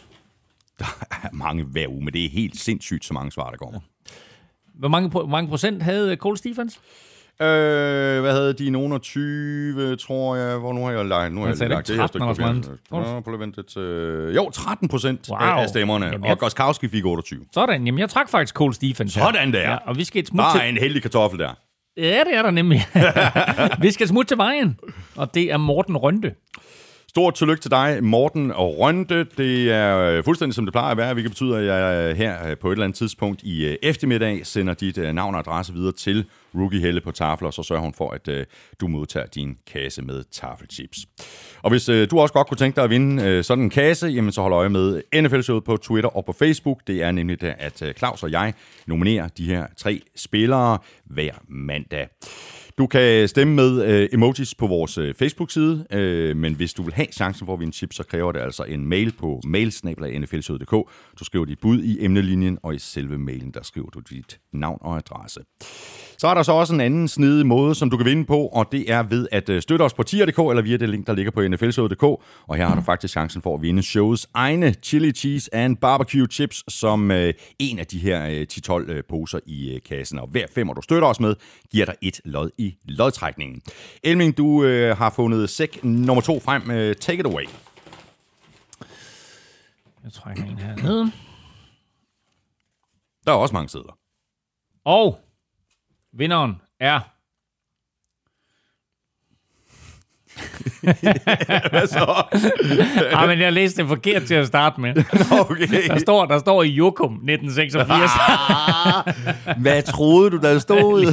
Jeg skulle lige, jeg skulle lige det, er, stærkt, det er stærkt. Stort tillykke til dig, øh, Jokum. Øh, jeg sender dig en øh, mail lidt senere i dag, og når jeg så har fået din postadresse og dit fulde navn retur, så sender jeg også de oplysninger videre til Tafel, og så modtager du dine præmier, og det gør du så snart vores egne chips de er produceret, og de er klar. Tusind tak for støtten på tier.dk, og tak til alle jer andre, der også støtter os. I øh, har alle chancen igen i næste uge, når vi trækker lod igen igen. Så er vi øh, tilbage i kampene. Det er vi med øh, Bears sejr på 30-26 over Falcons. Vi taler også om det kort i, i begyndelsen af udsendelsen, øh, men helt ærligt. Øh, vi- hvis, hvis der er et hold, øh, der formår at formøble de her to cifrede føringer i fjerde kvartal, så er det altså Dan Quinn og, og, og Falcons. De førte med 26-10. De havde chancen for enten at bringe sig yderligere foran, eller i det mindste tage noget tid af klokken, og de gjorde ingen af delene. Nej, fjerde kvartal er en generel katastrofe for Falcons i den her kamp. Altså i sidste uge, der var de foran 26-7, men det var i anden halvleg, så der har Cowboys lidt længere tid til at komme tilbage. Øhm, eller var det, ja, jeg vil lige vil sige, det var i første halvleg, men, men der har Cowboys lidt længere tid til, til at komme tilbage. I den her kamp, jamen der for anden gang på tre uger, der laver Bears jo et vanvittigt comeback. De er bagud 26-10, og Falcons har bolden og skal sparke field goal, og så kommer Young Ho Koo ind, og The Young Ho misser.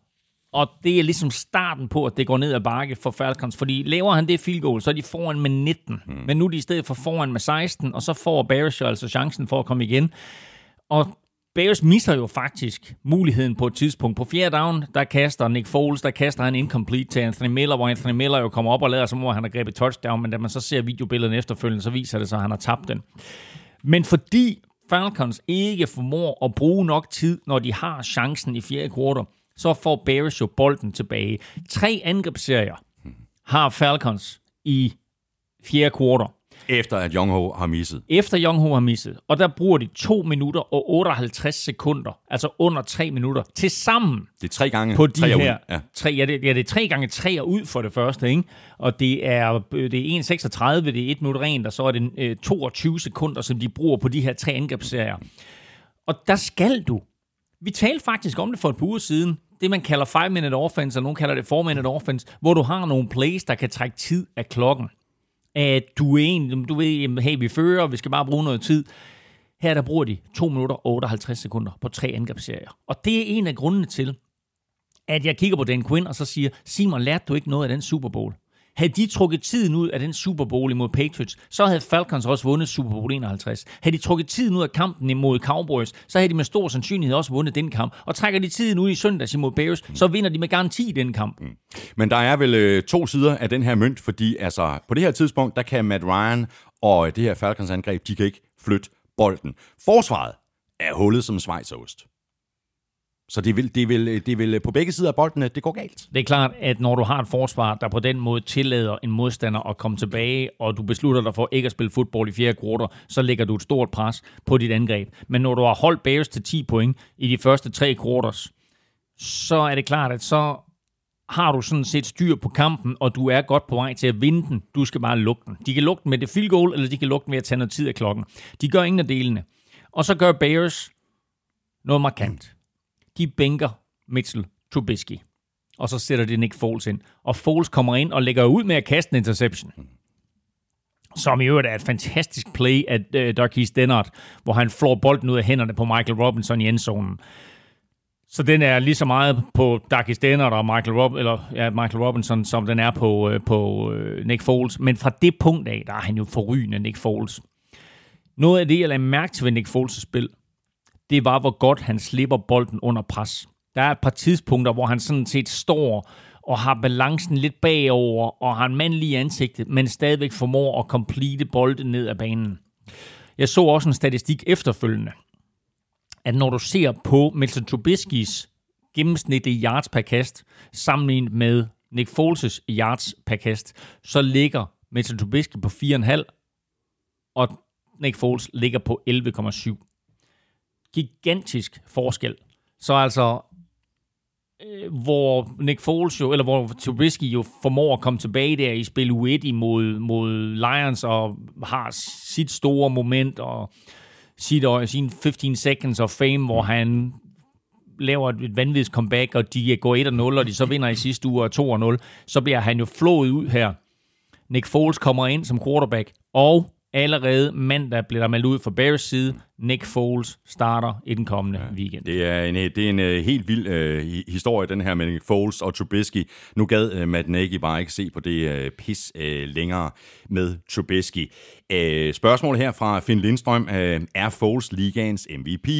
Han har flere gange vist sig at udfylde den vigtigste position, backup quarterback på holdet til perfektion. Og hvem havde lige set Bears 3-0? Jamen, sidste gang, at Nick Foles han kom ind og overtog for en øh, quarterback, som godt var blevet skadet her, der overtager han for en quarterback, som øh, bliver bænket. Jamen, sidste gang det skete, der vandt Eagles Super Bowl. Så nu er der øh, en øh, chance for her, og der kom han jo også ind på et godt mandskab, som jo om ikke var ubesejret, så i hvert fald var godt på vej i slutspillet, og på det tidspunkt, der kan jeg jo huske, at jeg var jo i Los Angeles. Nej, men jeg, jeg tror faktisk også, at jeg har fortalt historien tidligere, at jeg kan huske, at, at efter kampen, der stod jeg og, og skulle tage uh, toget ind mod byen, og der stod jeg sammen med Eagles-fans, som bare stod med sådan en fuldstændig kridthvide uh, ansigter og, og bare udtryksløse sagde, at sæsonen er forbi. Mm. Det er slut. Og så ender de med at vinde Super Bowl ja, på baggrund af Nick ja, Foles. Ja. Det her er måske lidt tidligt. Fordi vi har sagt om det her med Nick Foles. Giv ham chancen for at komme ind og være quarterback i en 5-6 kampe, så skal han nok vinde nogle kampe for dig. Nu skal han pludselig til at være quarterback i 14 kampe eller 13,5. Er det for meget? Er, er, er han dygtig nok til det? Han har haft sine momenter, Nick Foles, han har været forrygende, men er han dygtig nok til, at han skal være startende quarterback for Chicago Bears? Mm. Vi får se, hvordan det går for, for Foles, men vi kan vel bare øh, med ro i sindet konstatere, at hvis uh, Trubisky havde en lille bitte smule selvtillid tilbage i bagagen, så må den være væk nu, ikke? Jeg ved det ikke, jeg så et interview med ham bagefter, hvor han sagde, Nå, det er helt okay. Coach kom hen og sagde til mig, hey, jeg tager dig ud, øh, og det kom sådan lidt som overraskelse for mig, men, men Nick gjorde det rigtig godt. Det var så et interview i søndags. Det var ikke et interview mandag efter, at han er blevet bænket permanent, og Nick Foles nu starter. Mm. Øh, for lige at holde fast i den der med, at Bears er 3-0, hvor tit hører man sætningen, et hold har bænket deres startende quarterback, og de er 3-0. Ikke så altid. Ikke så altid. Nej, nej. Men Bears er 3-0, og de får besøg af Colts i fjerde spillerunde. Falcons, de er 0-3, og de kommer på en svær opgave ude mod Packers Monday Nights. Så føler jeg mig fristet til at sige close but no cigar. Elming, øh, der kommer endelig i gang i Vikings angreb her i øh, uge 3. Det var lige akkurat ikke nok. Titans de vandt en tæt og spændende kamp med 31-30 efter at have været bagud med 24-12 midt i tredje kvartal, mener jeg, at det var. Men der var der lyspunkter for din lille helte.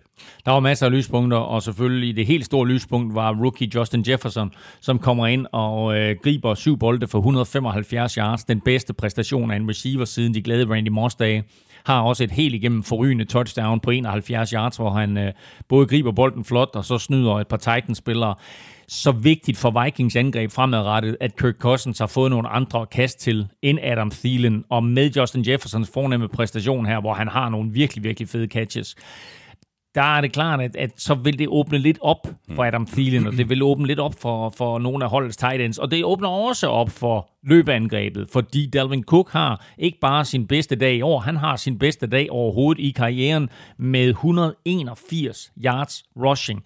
Altså, en fuld, havde det ikke været fordi, der havde været en Adrian Peterson i Vikings historie, så havde det her været en af de bedste præstationer nogensinde i, i Vikings øh, 60-årige historie. Ikke? Øh, så det her, det var en, en flot, flot dag offensivt af Minnesota Vikings, mm. men defensivt, der tillod de altså ja. lige nøjagtigt et point mere, end de selv scorede. Ja. Og så er der jo mange gode grunde til, at vi nominerede Steven Goskowski til øh, ugens spiller. Seks gode grunde faktisk. Seks field goals, inklusiv game winneren på 55 yards. Det er nu øh, tredje uge i træk, at Goskowski ender med at blive helten i Tennessee, mm. efter at det faktisk ikke, altså det begyndte jo ikke specielt godt for ham i, øh, i, i den første kamp øh, på sæsonen. Der missede han jo field goals, inden han så endte med at blive kampens held. Ikke? Præcis. I spil U1, der brænder han tre field goals og et ekstra point, og ender så med at sparke game-winneren. Og Mike Rabel, som jo er hans tidligere holdkammerat for Patriots-dagene, holdt fast i ham, selvom både presse og fans og alt muligt råbte på, at nu skulle øh, Goskowski, han skulle fyres, han var i hvert fald for gammel, og han kunne i hvert fald ikke spille mere. Så bliver han game-winner, også i spil U2, og så her i spil U3, ikke bare bliver han game-winner, han laver, som du siger, seks field goals på 39, 30 og 31, og så de tre, tre sidste field goals, han sparker, 51, 54, 55 og kommer i en meget lille eksklusiv gruppe af kickers, der har sparket tre field goals over 50 yards i samme kamp. Det er øh, fantastisk, og så kan vi lige nævne Derrick Henry. Øh, 26 løb for 119 yards og to touchdowns, og det var ham, som Titans de fandt frem i tredje kvartal, da de ellers var på vej ned i sækken, og der øh, jo, kunne... Men men ved du hvad, det er det, vi har talt om, at det er det, du skal gøre med Derrick Henry, og det er også, altså han får 26 carries her, og hvis han får øh, 15 yards på de 15 første carries, så skal du ikke være bange for at blive ved med at give ham bolden, fordi det er det, der sker, hvis du bliver ved med at give ham bolden. Det er så pludselig, så giver de 3 yards, og pludselig så giver de 5 yards, og pludselig så giver de 8 yards, og pludselig så holder Vikings op med at takle ham, og det skete i anden halvleg, at lige pludselig så begyndte han at få de her store løb, og da Titans kommer tilbage, fordi Tannehill kaster mange yards, men kaster ingen touchdowns, og kaster en enkelt interception. Ikke? Øhm, der, da, da, da de har behov for at komme tilbage, jamen der er det Derrick Henry løb, det her det drejer sig om. Og det er spørgsmålet om, at du bliver ved med at feed him the rock, altså bliver ved med øh, at give ham bolden. Og Titans, de er 3-0. De spiller hjemme mod øh, Steelers. Vikings, de er 0-3, og de spiller ud mod Texans. Og mens Vikings altså nu er 0-3 i divisionen, så er Packers 3-0, ligesom Bears i øvrigt. Øh, de vandt nemlig den øh, sene søndagskamp med 37-30 over Saints. Rodgers spillede endnu en øh, rigtig god kamp, og det kunne næsten virke til, at han er i gang med at sende signaler til Matt LaFleur, og måske resten af ligaen for den sags skyld, og endda uden der var en til Adams. Han spiller bare godt, Aaron Rodgers, og gør de her forholdsvis øh, no-name receiver, han har til store stjerner. Alan Lazard er jo den, som virkelig har nyt godt af, at der var en til Adams ikke er der. Mm. 141 yards i den her kamp. Og, øh, seks bolde. Seks bolde, og, og, nogle virkelig, og touchdown også igen. Han greb også touchdown i sidste uge. Så øh, der, der har de i hvert fald fundet noget, der har fundet noget kemi øh, med Aaron Rodgers, vil jeg bare sige, på den måde, som Aaron Rodgers har spillet her i de første tre uger. Packers er 3-0, og den måde, de har gjort det på, er bare super overbevisende. Altså score øh, 43 i første uge, 42 i anden uge, 37 i tredje uge. Ikke? Altså, goddag, ikke? Jeg vil sige, Aaron Rodgers er den største MVP-kandidat vest for Seattle, og, øh, og øst for Baltimore. Vest, Nej, øst, øst, øst, vest for Seattle. Ja, så er det hele vejen rundt. Nej. Øst, øst for Seattle. Øst for Seattle. Og, øh, og, og vest for Baltimore. Og, og, og nord for Kansas City. Men så, Så- så, sådan så, cirka. så, så er han der også. Sidste år, Claus, der gik øh, Packers 13-3. Det er så muligvis det dårligste 13-3 hold nogensinde. Øh, det er jo ikke sikkert, at Packers de, de går 13-3 igen i år. Det er svært at vinde 13 kampe i, mm. øh, på en NFL-sæson. Men det her, det er da et bedre Packers-hold, end det, der gik 13-3 sidste år. Ikke? Det er jeg fuldstændig enig. Og det var det, jeg ikke regnede med, at vi fik se. Jeg troede ikke på, at Packers ville være bedre, end de var sidste år, og jeg troede ikke på, at øh, de ville have det held, der skulle til, som de havde sidste år for at vinde 13 kampe. Fordi det var ikke et godt nok hold sidste år til at vinde 13 kampe, men altså heldet øh, forfølger nogle gange de dygtige mandskaber, ikke? Og den måde, de har åbnet sæsonen på her, er vanvittigt imponerende. Rodgers er vanvittigt imponerende. Forsvaret har et par øh, skader til markante spillere, og er selvfølgelig til at tale med, men formår at skabe store nok spil til, at, øh, at, at, at Rodgers og company de kan vinde kampen. Det er klart, at når du tillader 30 point, som de gør her mod Saints, så skal der selvfølgelig noget til offensivt, for at man vinder kampen. Men det har Packers i Aaron Rodgers, i Aaron Jones, med flere, med Mercedes Lewis. En lille sjov ting med Mercedes Lewis. Han er den eneste spiller draftet i første runde, som Rodgers nogensinde har kastet et touchdown til. What? Er det rigtigt? Eneste spiller draftet i første runde, som Rodgers nogensinde har kastet et touchdown til. Men det lyder da fuldstændig vanvittigt. Ja, men det, der kan du se, hvad de har omgivet ham med igennem Ja, årene. ja. Ikke? Og alligevel så formår han altså at få, øh, få de her øh, både undrafted spillere og sen draft picks til at, at være stjerner. Crazy. Spørgsmål her fra Jonas øh, German. Saints har ikke set ud, som mange havde forudset, og Breeze har ikke set så sikker ud som tidligere. Kan det her være inden for Breeze? Ja, og det har vi talt om også i de første to spiluger. Han var ikke imponerende i første runde, selvom, øh, selvom de vinder. Han var heller ikke imponerende i sidste uge, da de taber til Raiders. Og nok så formår han at complete nogle kast her, og flytter bolden og smider 30 point på tavlen. Men når man ser på Drew Brees i den her kamp, han har ingen kast over 13 yards, altså vel at mærke, hvor bolden går 13 yards, eller han er over 13 yards, ikke? Altså det vil sige, det kan godt være, at du har nogle catches, der er længere, når du tager receiverens løb med og sådan noget, men hans kast er alle sammen under 13 yards øh, i, i dybden. Han mangler også Michael Thomas, ikke? Han mangler Michael Thomas, men han havde trods alt Michael Thomas i, i første spiluge. Han har haft et kast i hele sæsonen indtil videre, over 20 yards, hvor, hvor bolden er blevet grebet 20 yards ned ad banen eller længere. Det er sådan en lille bitte smule bekymrende. Det er selvfølgelig fint nok, når du kan spille sådan noget dink and donk, og du har en Alvin Kamara, som er fuldstændig forrygende. Men de skal have en dyb trussel ind, Saints. Øh, Breeze ser da fin ud og sådan noget, men jeg savner den dybe trussel. Nu nævner du øh, Alvin Kamara. Øh, Anders Mathisen spørger lige præcis ind til Kamara og spørger, om han øh, lige nu er ligaens bedste running back. Manden kan jo ikke takles. Han er i hvert fald ligaens bedste multivåben. Fordi det er jo, han løber kun bolden 6 gange i den her kamp. Til gengæld så griber han bolden 13 gange. Han har 197 yards til sammen. Og det ene touchdown, han scorer, er årets bedste spil. Nu gik vi jo glip af årets bedste spil i kampen mellem Panthers og Chargers, men det her, det var årets bedste spil. Sådan en lille bitte screen ud til venstre side, som bare skal give en 10 yards og en første down, og så snyder han et par Packers-spillere, får lige et par blokeringer ud foran sig, og så løber han hele vejen til touchdown. Simpelthen bare et forrygende play af Alvin Kamara, og det er meget, meget få spillere i NFL, der kan lave øh, et play som det der. Så på den måde, der er han en, en øh, kæmpe playmaker, og en af de sjoveste spillere overhovedet at se på i NFL. Men Saints er altså kun øh, 1 og 2. De spiller ud mod Lions. Packers de er 3 og 0, og de får besøg af Falcons. Steelers vandt med 28-21 over Texans, der øh, fulgte overraskende godt med. Et af de øh, matchups, der blev talt om før kampen, det var jo øh, Steelers pass rush op imod Texans offensiv linje, og det gik øh, mere eller mindre som øh, præsten prædikede. Jason Watson, han var under stort pres i store dele af den her kamp, og han blev sækket fem gange. Ja, og det er lidt skuffende med, med Texans offensiv linje, fordi jeg synes jo, at de tog nogle skridt i den rigtige retning sidste år. Her Laramie Tunsil ind fik draftet et par gode spillere. Vi sad jo faktisk og, og roste den offensive linje for Texans sidste år. De har ikke været der i år.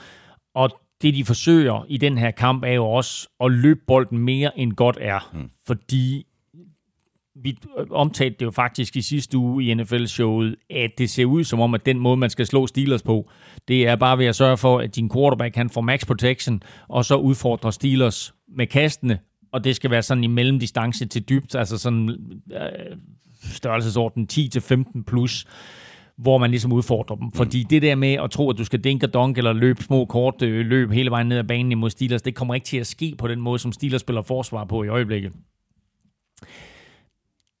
Texans og Deshaun Watson spiller jo faktisk en rigtig god første halvleg, og det sidste drive, de, de øh, fyrer af Texans, det er noget med 75 yards på 50 sekunder, hvilket jo viser, hvor hurtigt man kan skrue drive sammen i NFL.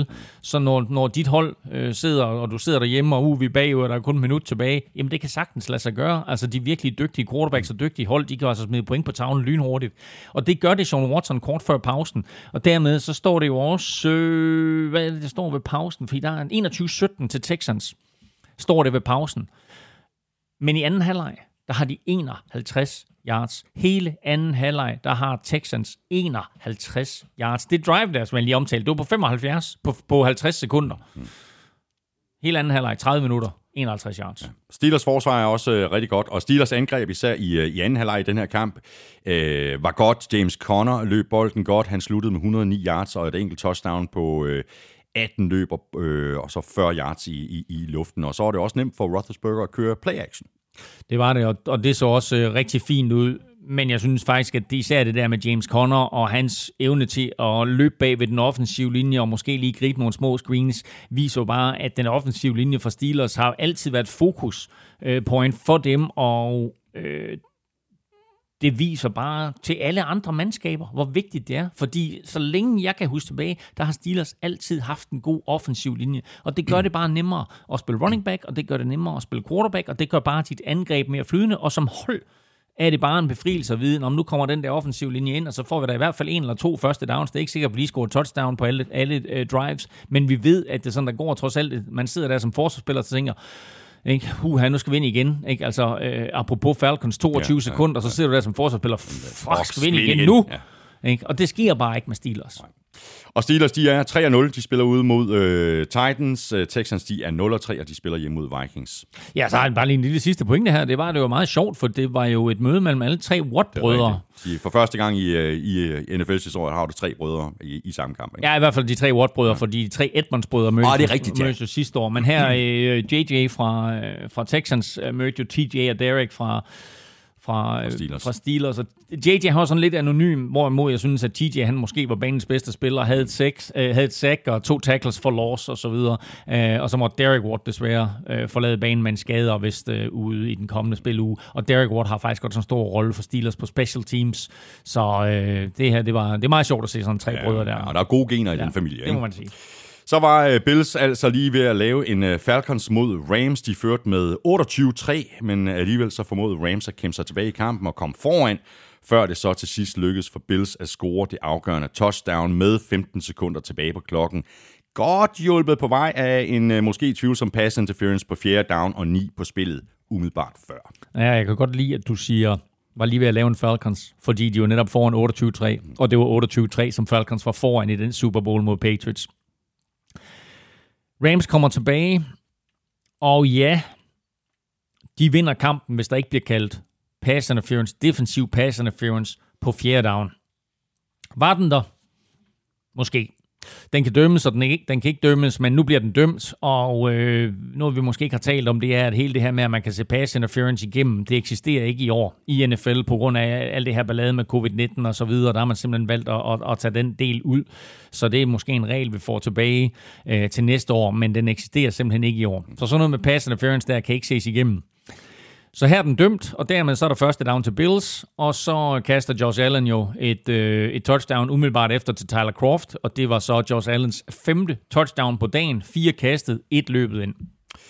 Øhm, spørgsmålet er, om Bills er for real, altså fordi de fører stort her, de lukker Rams tilbage i kampen, de tillader næsten 100 yards. Mm. Så har du altså et Bills-mandskab, som øh, har den øh, bedste chance i 20 år for at vinde divisionen. Og som vi også talte om i sidste uge, Elming, så bør de måske, når de sidder og, og kigger på fjernsynet og ser, hvordan Patriots de spiller fodbold, så, så er der ikke råd til at lave de her mindfucks, altså Nej, præcis. Og, og, og lukke Nej. øh, modstanderen ind i kampen, som man dybest set øh, burde lukke. Ikke? Jamen det er sjovt, fordi vi har talt om det alle tre uger her i sæsonen med Bills, at de skal blive bedre til at lukke kampe, og vi har også talt om nærmest i alle tre uger her i, i sæsonen, at øh, huske tilbage på slutspillet sidste år imod Texans, hvor de har Texans nede i sækken, og de ikke formår at lukke til, og så taber de kampen. Og her der er de jo vanvittigt tæt på at tabe kampen øh, til Rams. Havde Rams vundet kampen, så havde det været det femte største comeback i NFL's historie, og det største comeback i Rams' historie. Deres største comeback var på 24 point. Her der var de altså bagud med 25, og meget tæt på at vinde. Men når det så er sagt, og når vi giver dommerne lidt skylden, øh, eller i hvert fald siger, at de hjalp til, så går det også den anden vej. Fordi der er en interception, som Josh Allen kaster, mm. hvor der er en helt klar regel, og det er, at hvis to spillere, en angrebsspiller og en forsvarsspiller, har fat i bolden på samme tid, så går den altid til angrebsspilleren. Det er en regel, der er sat ind, og sådan er det bare. Og her der kommer der altså et catch af en Bills-spiller, men hvor en Rams forsvarsspiller også har øh, fat i bolden, og så dømmer de en interception. Og der står man sådan lidt som, som øh, fan og ekspert, og vel sagtens også Bills coach og Bills spiller, og tænker, reglen siger noget andet. Mm. Altså, sådan er reglen ikke. Øh, men det er Rams bold, og Rams går ned og scorer touchdown på den umiddelbart efter, så griber Robert Woods et touchdown. Så på den måde, der hjælp dommerne også lidt det her Rams comeback. Øh, og den der situation, synes jeg var meget, meget mærkelig. Mm. Og så kan det godt være, at øh, Cam Akers er, er skadet, og at Rams de glæder sig for at uh, få ham i uh, aktion igen. Men uh, Daryl Henderson, han gør det meget godt. Uh, 20 løb for 114 yards og et uh, touchdown. Han bliver så også godt hjulpet på vej af den offensive linje, der får åbnet nogle, nogle gode huller for ham. Ja, altså Cam Akers er skadet, og Malcolm Brown var jo sådan set tilbage, så jeg tror, mange havde regnet med, at de skulle dele arbejde. Malcolm Brown og, og Daryl Henderson. Det her, det blev ja, Daryl Henderson show, og hans bedste kamp som, øh, som Rams running back.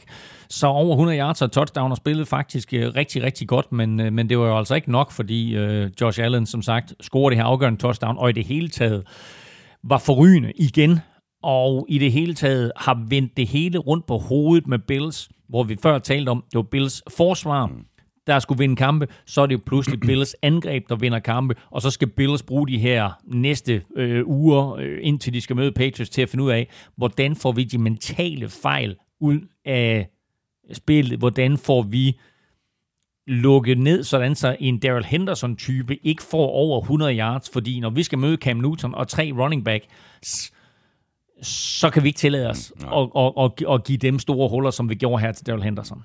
Men Bills, de er 3-0. De spiller ud mod Raiders. Rams, de er 2-1, og de får besøg af, af Giants. Havde du en, ting? Ja, vi to vi sad jo og, og, og talte om, at, at øh, hvis det her comeback, det nu skete, og Rams de vandt kampen, så ville Aaron Donald nærmest være ja. sikker på at blive nomineret til ugens spiller, fordi ja. han var forrygende, ikke mindst i anden halvleg. Havde to sacks og fremtvang en fumble og skabte ballade hele tiden for, øh, for Josh Allen og kompagni. Og med den sæson og den kamp, jamen, og den sæson, som Aaron Donald øh, ser ud til at få øh, endnu en gang, jamen altså, vi kan tale om det ved, ved en anden god øh, lejlighed, men hvis der ikke var nogen, der hed øh, Patrick Mahomes, og øh, hvis der ikke var nogen, der hed Russell Wilson, jamen så var det jo en spiller, der skulle blive MVP, ikke? Præcis. Og altså, øh, jeg har skrevet tidligere med en noter her, at Miles Garrett, han er godt på vej til at blive Defensive Player øh, of the Year, men altså med den kamp, som, som Aaron Donald havde her, der viser han bare igen, at han er øh, ligaens bedste øh, forsvarsspiller. En anden lille sjov note, jeg har skrevet, det er, at øh, det er da godt, at øh, New York State har Buffalo, fordi øh, de, ja, er de, de, de, de to andre New York-klubber, som godt nok spiller i New Jersey, de tabte altså i weekenden med samlet 72-16. Not good, Bob. Uh, Buffalo vandt til gengæld, og nu er de 3-0. Ja. Og Seahawks, de er også 3-0, efter at de slog Cowboys hjemme med 38-31, og vi kan lige så godt få det overstået med det samme, øh, Elming. Jeg, jeg, jeg er faktisk ikke helt sikker på, at Russell Wilson, han er født her på jorden. Han er den første quarterback til nogensinde i NFL's historie at indlede en sæson med at kaste fire eller flere touchdowns i de tre første kampe.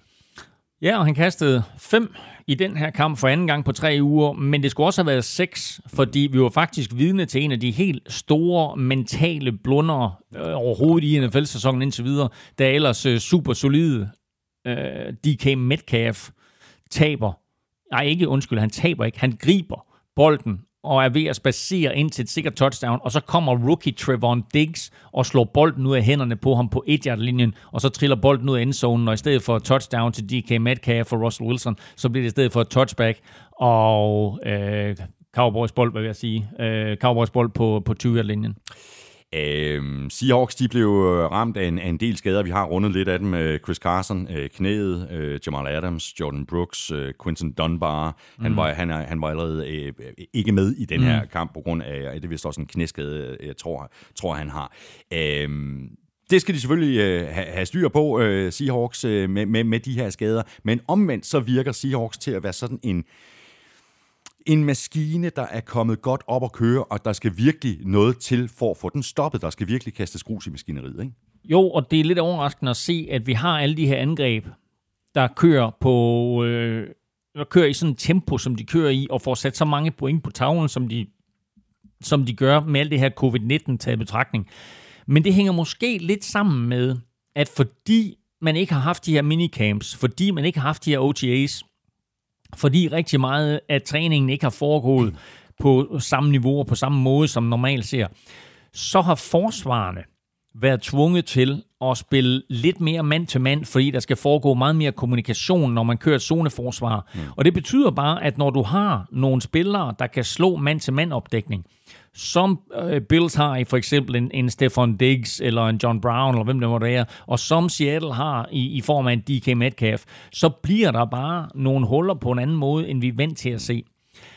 Og derfor så øh, får vi altså også de her højt scorende affærer at se, og der tror jeg og håber jeg lidt på, at nogle af de her forsvar, hvor der sådan uge efter uge bliver smidt 25 eller 30 point på tavlen imod dem, at de får justeret ind og bliver bedre, fordi både Cowboys forsvar i den her kamp, og Seahawks forsvar i den her kamp, og Ramses forsvar og Bills' forsvar i den kamp, vi talte om lige før, og flere andre forsvar. Altså, der bliver scoret alt, alt, alt for mange point imod dem i øjeblikket. Og det er selvfølgelig super fedt som, som faner, som tilskuer, som tv-seer at være vidne til det her. Men jeg tror og håber lidt på, at vi kan få justeret på de her forsvar mm. i løbet af sæsonen, sådan så, så, så øh, det ikke bare bliver så nemt at flytte bolden op og ned af banen. Ja. Cowboys de fik jo noget øh, nemmere ved at flytte bolden i fjerde kvartal, og, øh, og de satte også 16 øh, point på tavlen, blandt andet på grund af, af, af skaderne på Seahawks øh, defensiv.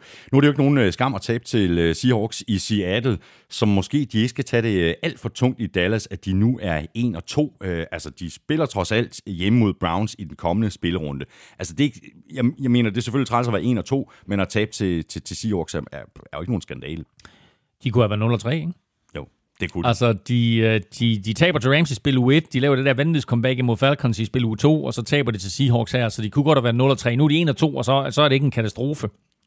Men det er ikke den start på sæsonen, som Cowboys havde forventet og håbet på de er stadigvæk med, og det er de især, fordi de spiller i NFC East, hvor, som du sagde lidt tidligere, at Redskins de fører med 1 og 2, ikke?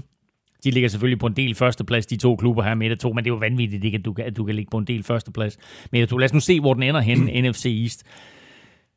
Jeg tror, Cowboys stadigvæk hele vejen rundt er det bedste hold, men hvis vi nu lige, altså du ved, hvis Redskins, de, undskyld, hvis Washington, de sætter deres Alex Smith ind, så lad os se, se hvor det hele ender henne. Den her kamp, som du nævner med, med, med Browns og med Cowboys, den er jo faktisk lidt spændende for, ja, for, for, for begge mandskaber. Ja. Cowboys de er altså 1 og 2, og de spiller øh, mod Browns, og det gør de øh, hjemme. Seahawks de er 3 og 0, og de skal til øh, Florida og spille mod Dolphins, Staggles, Staggles, Dolphins. Ja, skal vi lige nævne lynhurtigt, at uh, Tyler Lockett, han greb tre ja. af, af Wilson, uh, Wilsons ja. touchdowns, ikke? Ja. spiller en forrygende kamp, uh, Tyler Lockett, uh, og så var det faktisk Cedric Wilson, som var uh, den helt store go-to-guy for, for Dak Prescott i den her kamp. Så altså ikke noget med, ja, Michael Gallup spillede også godt, ja, ja. og Mara Cooper og C.D. Lamb var der også. Men uh, Cedric ja, både, Wilson... både Wilson og Gallup kom over 100 Præcis, yards. men Cedric Wilson over 100 yards, så altså, det, det, er, det er lige pludselig fire receiver. Og så lige en sidste pointe også, som jeg synes er vigtig, det er, du har Ezekiel Elliott, og du spiller imod et Seahawks-mandskab, som scorer point og, og godt kan lide at have bolden i egne rækker. Men hvis du skal sørge for, at Russell Wilson han får knap så mange chancer for at smide point på tavlen, så hold dog bolden i egne rækker. Og mm. når du har en Ezekiel Elliott, godt nok har du nogle skader på den offensive linje, men når du har en Ezekiel Elliott, så skal han have bolden mere end de 15 gange, eller 13-14 gange, han får kampen, øh, får bolden i den her kamp, fordi Cowboys kalder 57 kast og 21 løb hvor de seks er af Prescott. Mm. Så det vil sige, at der er 15 løb af andre end quarterbacken selv. Øh, og så kan du dække de der seks øh, Prescott-løb oven i hans, hans 57, ikke? Så, er det, så er det 63 gange, at Prescott han ligesom håndterer bolden. Og Ezekiel Elliott, han bliver sådan en non-faktor. Mm. de skal bruge Ezekiel Elliott bedre Cowboys. Og det skal de også, selvom de øh, kommer bagud. Præcis. Så fik øh, Lions også stemplet ind med deres øh, første sejr i år, og det er en dag på udebane over Cardinals. Matt Prater scorede det afgørende field goal i de døende sekunder, og sejren på øh, 26-23 kom i hus, ikke mindst på baggrund af tre interceptions fra den ellers brandvarme Kyler Murray.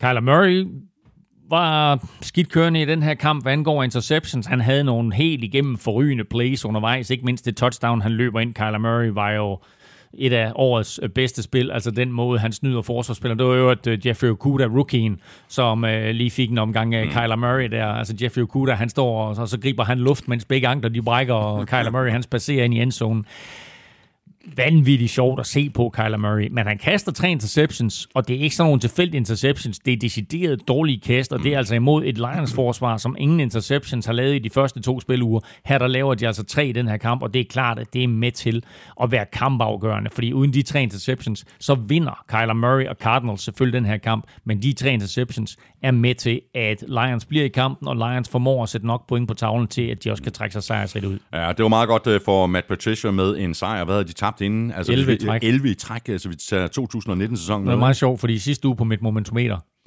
der skrev jeg, Cardinals, eller øh, Carolina Panthers har tabt 10 i træk, og lige nedenunder, der havde jeg så Lions så siger Lions til, til, øh, til Panthers, hold my beer, vi har tabt 11 i træk. Begge mandskaber vinder. Ja. Ikke? Så der er, lidt, der er lidt momentum til dem fra mm. momentometer. Ja, ja. Og måske også lidt uh, momentum til Matthew Stafford at få uh, Kenny Golladay tilbage. Han sad ude de to første uger med, med en fiber. Uh, seks grebne bolde for 57 yards og et og touchdown. Det gør der i hvert fald ikke uh, mulighederne på angrebet mindre. Nej, og det var rart for ham at, have den receiver tilbage, fordi Kenny Golladay er en touchdown-maskine, og fordi han er nem at kaste til. Altså, han er jo lang, han er jo 194 cm høj, så du kaster den jo bare højt op, og det touchdown, han scorer, Kenny Golladay, er jo også bare et højt kast ned til turretlinjen, og så får han på en eller anden måde lænet sig ind i endzonen og scorer. Så på den måde der er det rart for Matthew Stafford at have øh, Kenny Golladay tilbage, og måske får vi noget af det her at se, som vi havde håbet på øh, fra Lions, og, og, og noget af det, som jeg også havde håbet på, fordi jeg jo var så lidt sind, at siger, at jeg egentlig godt kunne se Lions gøre det rigtig godt i år. De har ikke fået den sæsonstart, som de har håbet på, men det her det er i hvert fald et skridt i den rigtige retning. Og Lions, de er 1 og 2, og de får besøg af Saints. Cardinals, de er 2 og 1, og de spiller ude mod Panthers. Og så er der en meget, meget væsentlig statistik i den her kamp, og det er, at Larry Fitzgerald, han greb 0 yards for første gang siden 2004. Wow. Det er, 0 yards receiving for første gang siden 2004. Hvor mange chancer fik han for at gribe bolde? Tre, tre bolde. Tre bolde? Ja. Hold da op. Altså tre bolde kast i hans retning. Ja, ja, præcis. Ja. Godt, jamen så fik vi det med, og så er vi øh, fremme ved øh, Monday Night-kampen mellem uh, Ravens og Chiefs. I sidste uge, uh, Elming, der talte vi om, uh, hvem der dog skulle uh, kunne slå Ravens. Uh, det var så Chiefs, der, der både kunne og skulle og gjorde det. 34-20 endte kampen, efter at der stod 27-20 i begyndelsen af fjerde kvartal. Endnu en monsterpræstation af Patrick Mahomes. Og så synes jeg faktisk ikke, at det nu nævner jeg de det der med, at der stod 27-20 i begyndelsen af fjerde kvartal. Mm. Så sagde man, uh, den var tæt den her. Det var den jo i virkeligheden ikke, vel? Det var den ikke, fordi det stod 27-10 ved pausen, og Ravens kommer ud som lyn og torden, kører ned ad banen. Lamar Jackson har et, et langt løb på 30 yards, hans øh, bedste løb i hele kampen i øvrigt.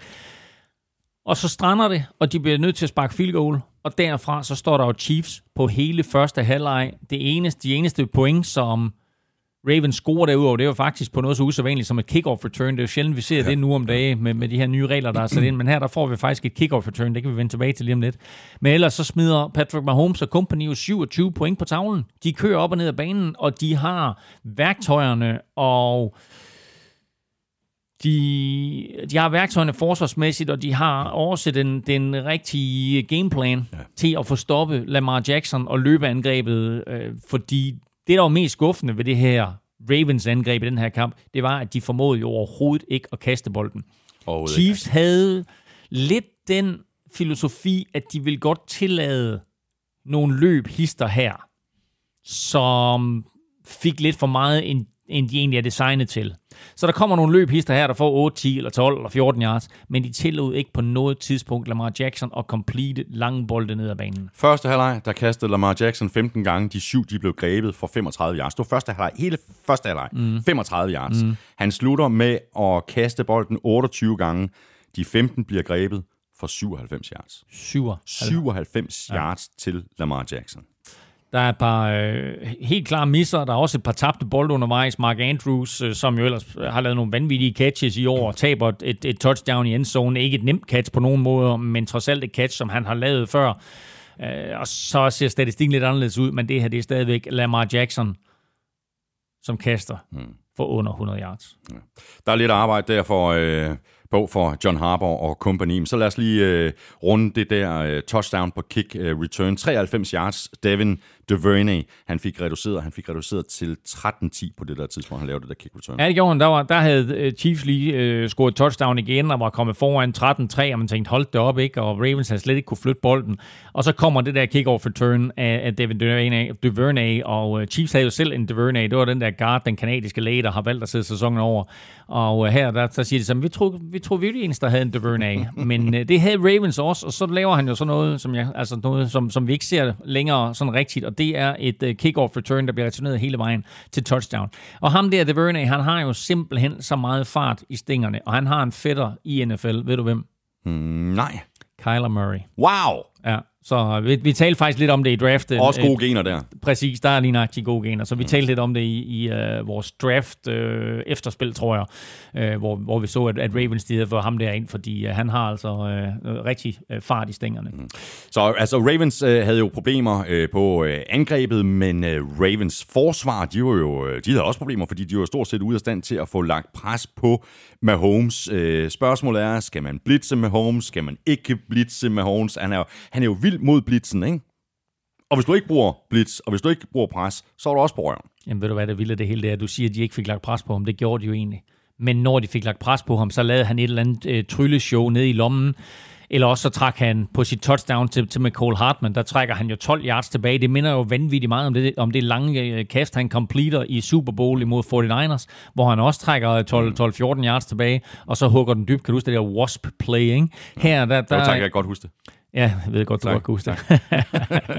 Men her, der trækker han 12 yards tilbage, og så laver McCall Hartman et, et, et double move, og der ved vi, der er ingen forsvarsspiller, der kan... Hvis, hvis McCall Hartman eller Tyreek Hill har tid til at løbe sig fri, så er der ikke nogen, der kan følge med dem. Nej. Og når du så tror, at du skal dække dem med en en mod en, øh, så, så er du tabt på forhånd.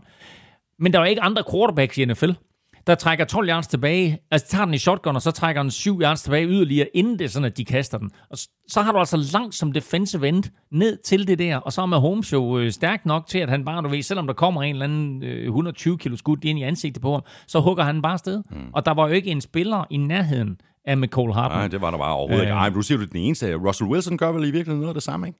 Også når han under pres, så... Ikke, nej, men, nej, men det, det er ikke på samme måde på nogen måder. Altså, Russell Wilson trækker ikke tilbage 12 yards dybt på den måde der, som... Altså, med Holmes, han, han dribler sådan stille og roligt tilbage, og så hugger han dybt. Russell Wilson er på ingen måde på samme måde. Der er han ikke... scrambler 10-12 yards ja, tilbage, og så finder han et eller andet ja, dybt, ikke? nej, men det er bare ikke... Altså, det er ikke den samme måde. Øh, det er det ikke. Øh, det, her, det her, han gør her, det er, det er sådan lidt unikt, og det, det er fuldstændig umuligt at gardere sig mod som forsvar. Um, og så også fordi det er sådan, at de har så meget fart på ydersiden af de der to hurtige drenge der. Og så viser Andy Reid også bare, at han er en uh, kreativ playcaller. Ikke? Nu tager han også uh, offensive tackle Eric Fisher i, i, i brug for at score touchdown. Ikke? Bum. Altså, ved du hvad, der er, han, altså, han, Mahomes han, har så mange ja. offensive våben, ikke? og så skal de også bruge den offensive, altså så skal de også bruge den offensive tackle, fordi det kan vi. Ja, og super blæret, du ved, altså stiller, han stiller sig op som, som eligible på den på, faktisk stiller han op som tackle, men det Ravens ikke op der, det er, at der er ikke hverken en tight end eller en receiver på ydersiden af ham, og derfor så lader de ham gå, fordi de tænker, om han skal selvfølgelig blokere, men det skal han ikke, og så ryger han ud, og så griber han en bold, og Andy Reid bruger også et, øh, et, et lille lækkert øh, trækspil til at, at få bolden vippet indvendigt til øh, sin fullback, som ja. også øh, scorer, og det gør han, fordi der er så meget fokus på Tyreek Hill. Og det hele taget, så sad jeg og så den her kamp, og sad og kiggede på alle de vidunderlige angrebsplays, som Andy Reid han bruger i den her kamp. Og jeg tænkte faktisk lidt på, at det måtte være meget forvirrende at være angrebsspiller i det her angreb, fordi der er ikke meget af det, der virker som om, at der er en struktur i, i den måde, playene er konstrueret på, sådan play for play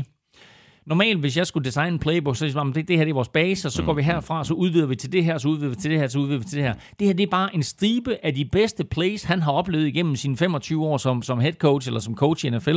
Og så har han sagt, så har vi de her plays og så videre, og så kører vi det. Det eneste, som jeg kunne genkende, det var, at de brugte Tyreek Hill i motion af og til, øh, 5-6 gange måske i løbet af kampen, hvor han kommer ind, og så vender rundt og sprinter øh, i modsat retning af den motion, han er kommet ind i.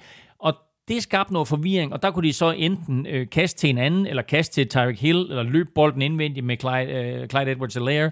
Der var forskellige variationer af det spil, men ellers så var det bare et hav af sjove spil, og så med Holmes' arm, som det her det var bygget op omkring.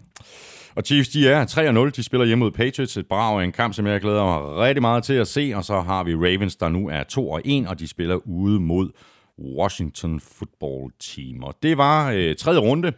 Lige om lidt, der ser vi frem mod øh, denne uges kampe, når vi skal have sat vores øh, picks, og så skal vi selvfølgelig også lige have en øh, kort status på øh, stillingen, både øh, på øh, picks.dk og her i vores øh, lille interne øh, picks fight. Dit momentometer, Elming, har du styr på det? Nej. Nej. Ej, det eneste, jeg kan sige, det er, at øh, Chiefs selvfølgelig øh, bliver på førstepladsen. Og så rykker Seahawks op på andenpladsen, og så skal jeg lige have fundet ud af, om jeg skal have Packers eller Ravens nummer tre. Mm. Spændende, men øh, der hvor du øh, finder Elmings momentometer, når Elming på et eller andet tidspunkt får taget sig sammen til at skrive det færdigt, det er selvfølgelig det samme sted, hvor det altid ligger, og det er på gulklude.dk.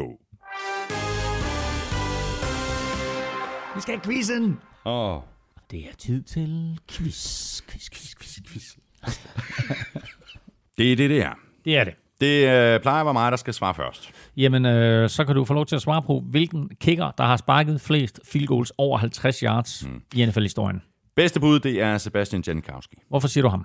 Fordi han havde et monsterben, og han sparkede i mange år. Og jeg tror, han har sparket øh, rigtig mange lange field goals. Så det er mit bedste bud. Så du siger simpelthen Sebastian Janikowski. Jeg kan fortælle dig, at øh, Jason Hanson fra Detroit Lions har sparket 52 over 50 yards. Matt Prater har sparket 53 og sparker altså var- stadigvæk. Prøv at se her.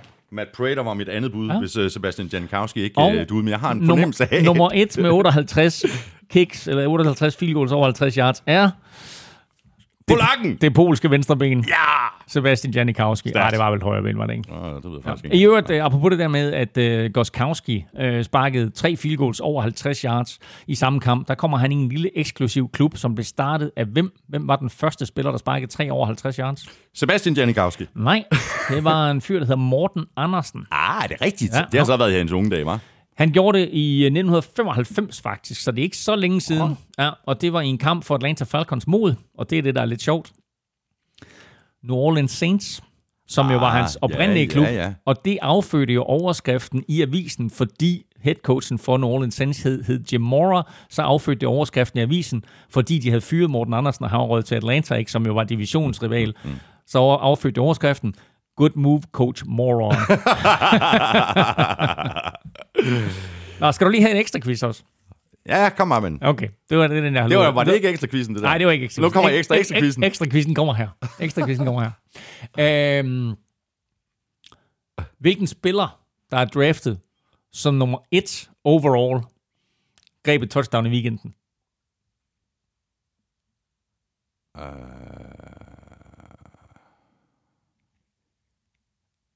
Ej, han blev ikke draftet nummer et. Den offensive tackle for... Mm. Øh, er det ham? Eric Ja, Fisher. fordi, ja, fordi jeg, ved godt, jeg vidste godt, at han blev Ja. draftet meget højt, men jeg var ikke sikker på, at han blev draftet etter. Hvad det gjorde han? Han gjorde, ja, Eric Fisher draftet et i, to, i 2013 af Chiefs, så han har været der hele sin karriere, og her der greb han altså touchdown. Okay, godt. Øh, det quizzen, det var ja. fire startende quarterbacks har ingen interceptions endnu i år. Hvilke? Og det var så her hjælpen fra Amstrad var, at det er ikke Kirk Cousins. Præcis. Jamen, jeg siger med Holmes, Det er korrekt. Så siger jeg øh, Russell Wilson. Nej, han har Det er, det er korrekt. Nej, nej, nej, nej. Godt. Øhm, Aaron Rodgers. Det er korrekt. Godt. Så er vi halvvejs. Godt. Øhm,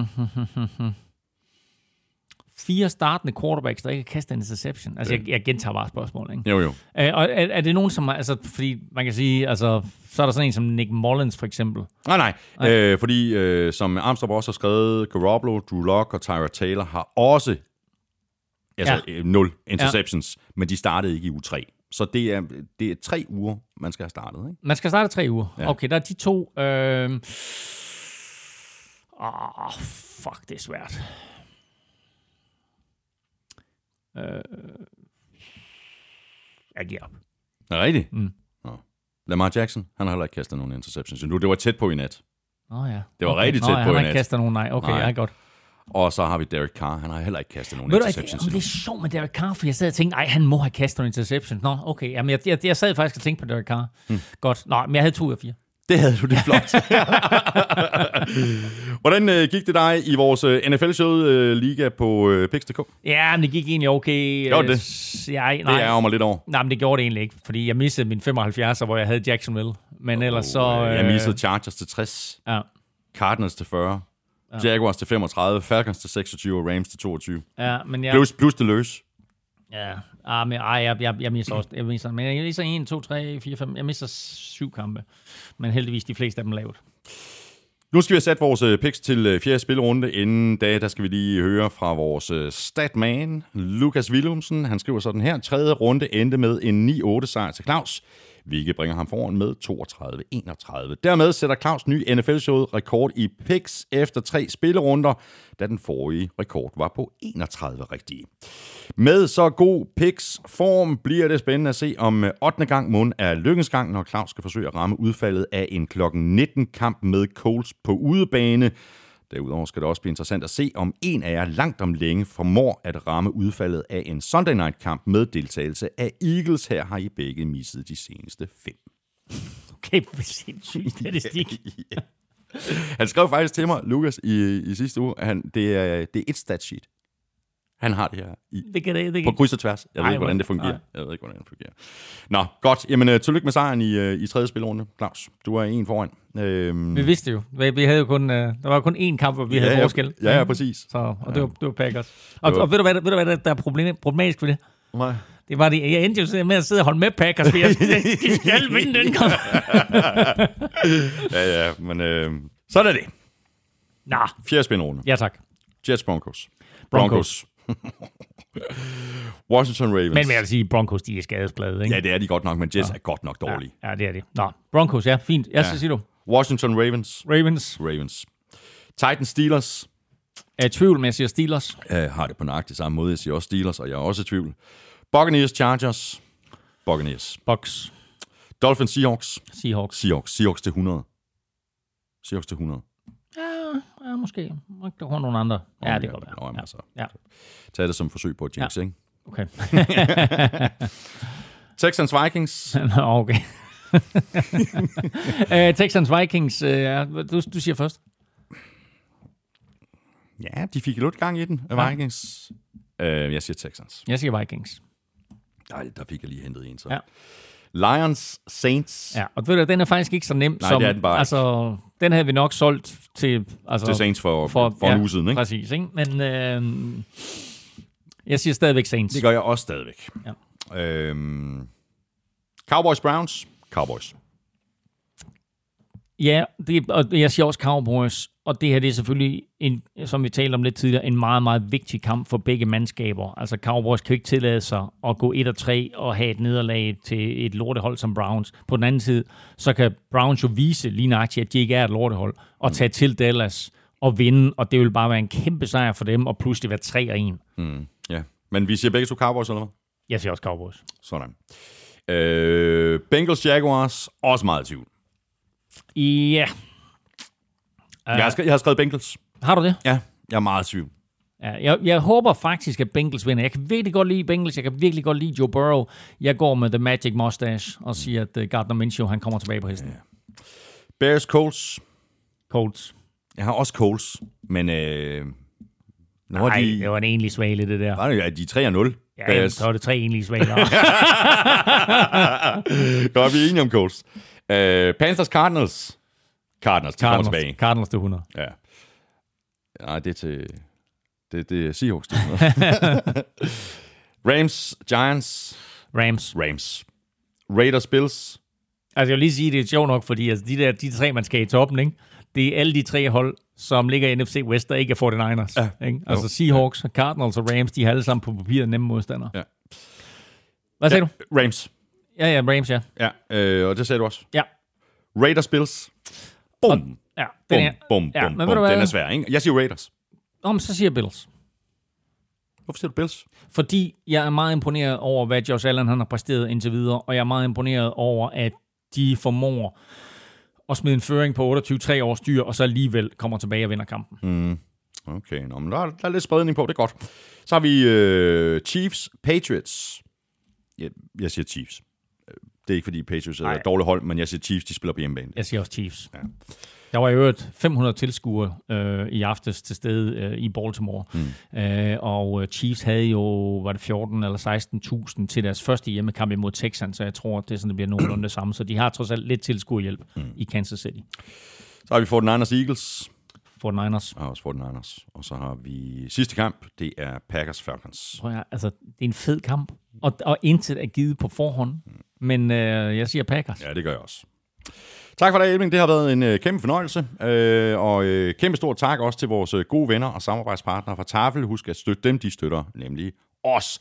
Og hvis du støtter os, og hvis du gør det på tier.dk eller via det link, der ligger på nflsøde.dk, ligesom de 596, der allerede gør det, jamen så har du givet dig selv chancen for at vinde en kasse taffelchips, hvoraf den ene af poserne er NFL-showets Chili Cheese and Barbecue Touchdown Taffelchips. Er det ikke sådan, de hedder, Elming? Er det ikke det, de Er det- hedde? er det et officielt navn? er- Ej, jeg ved ikke, om det er et officielt navn, men det er i hvert fald et navn. Det er et bud. Tusind tak til alle, der støtter os, og tak fordi du lyttede med. Øh, hvis du synes om det, vi laver, så skulle du tage og stikke os en anmeldelse om nogle stjerner et af de steder, hvor det er muligt, for eksempel i iTunes. Hvis du vil i kontakt med os, så kan du gøre det på Facebook, og du kan gøre det på Twitter, og du kan gøre det på mailsnablag.nflsøde.dk. Følg Mr. Elming på Twitter på snablag NFLming. Mig kan du følge på snablag Thomas Kvartrup. Tak for nu. Vi høres ved. NFL-showet er produceret af Kvartrup Media, der også producerer Born Unplugged, Danmarks største politiske podcast, som jeg laver hver eneste fredag sammen med politisk kommentator Lars Trier Mogensen. Elming triller videre med resten af drengene over på Velropa-podcasten, og så er Elming og jeg ellers tilbage igen i næste uge med meget mere NFL og NFL-showet. Ha' det rigtig godt så længe. Hot, hot.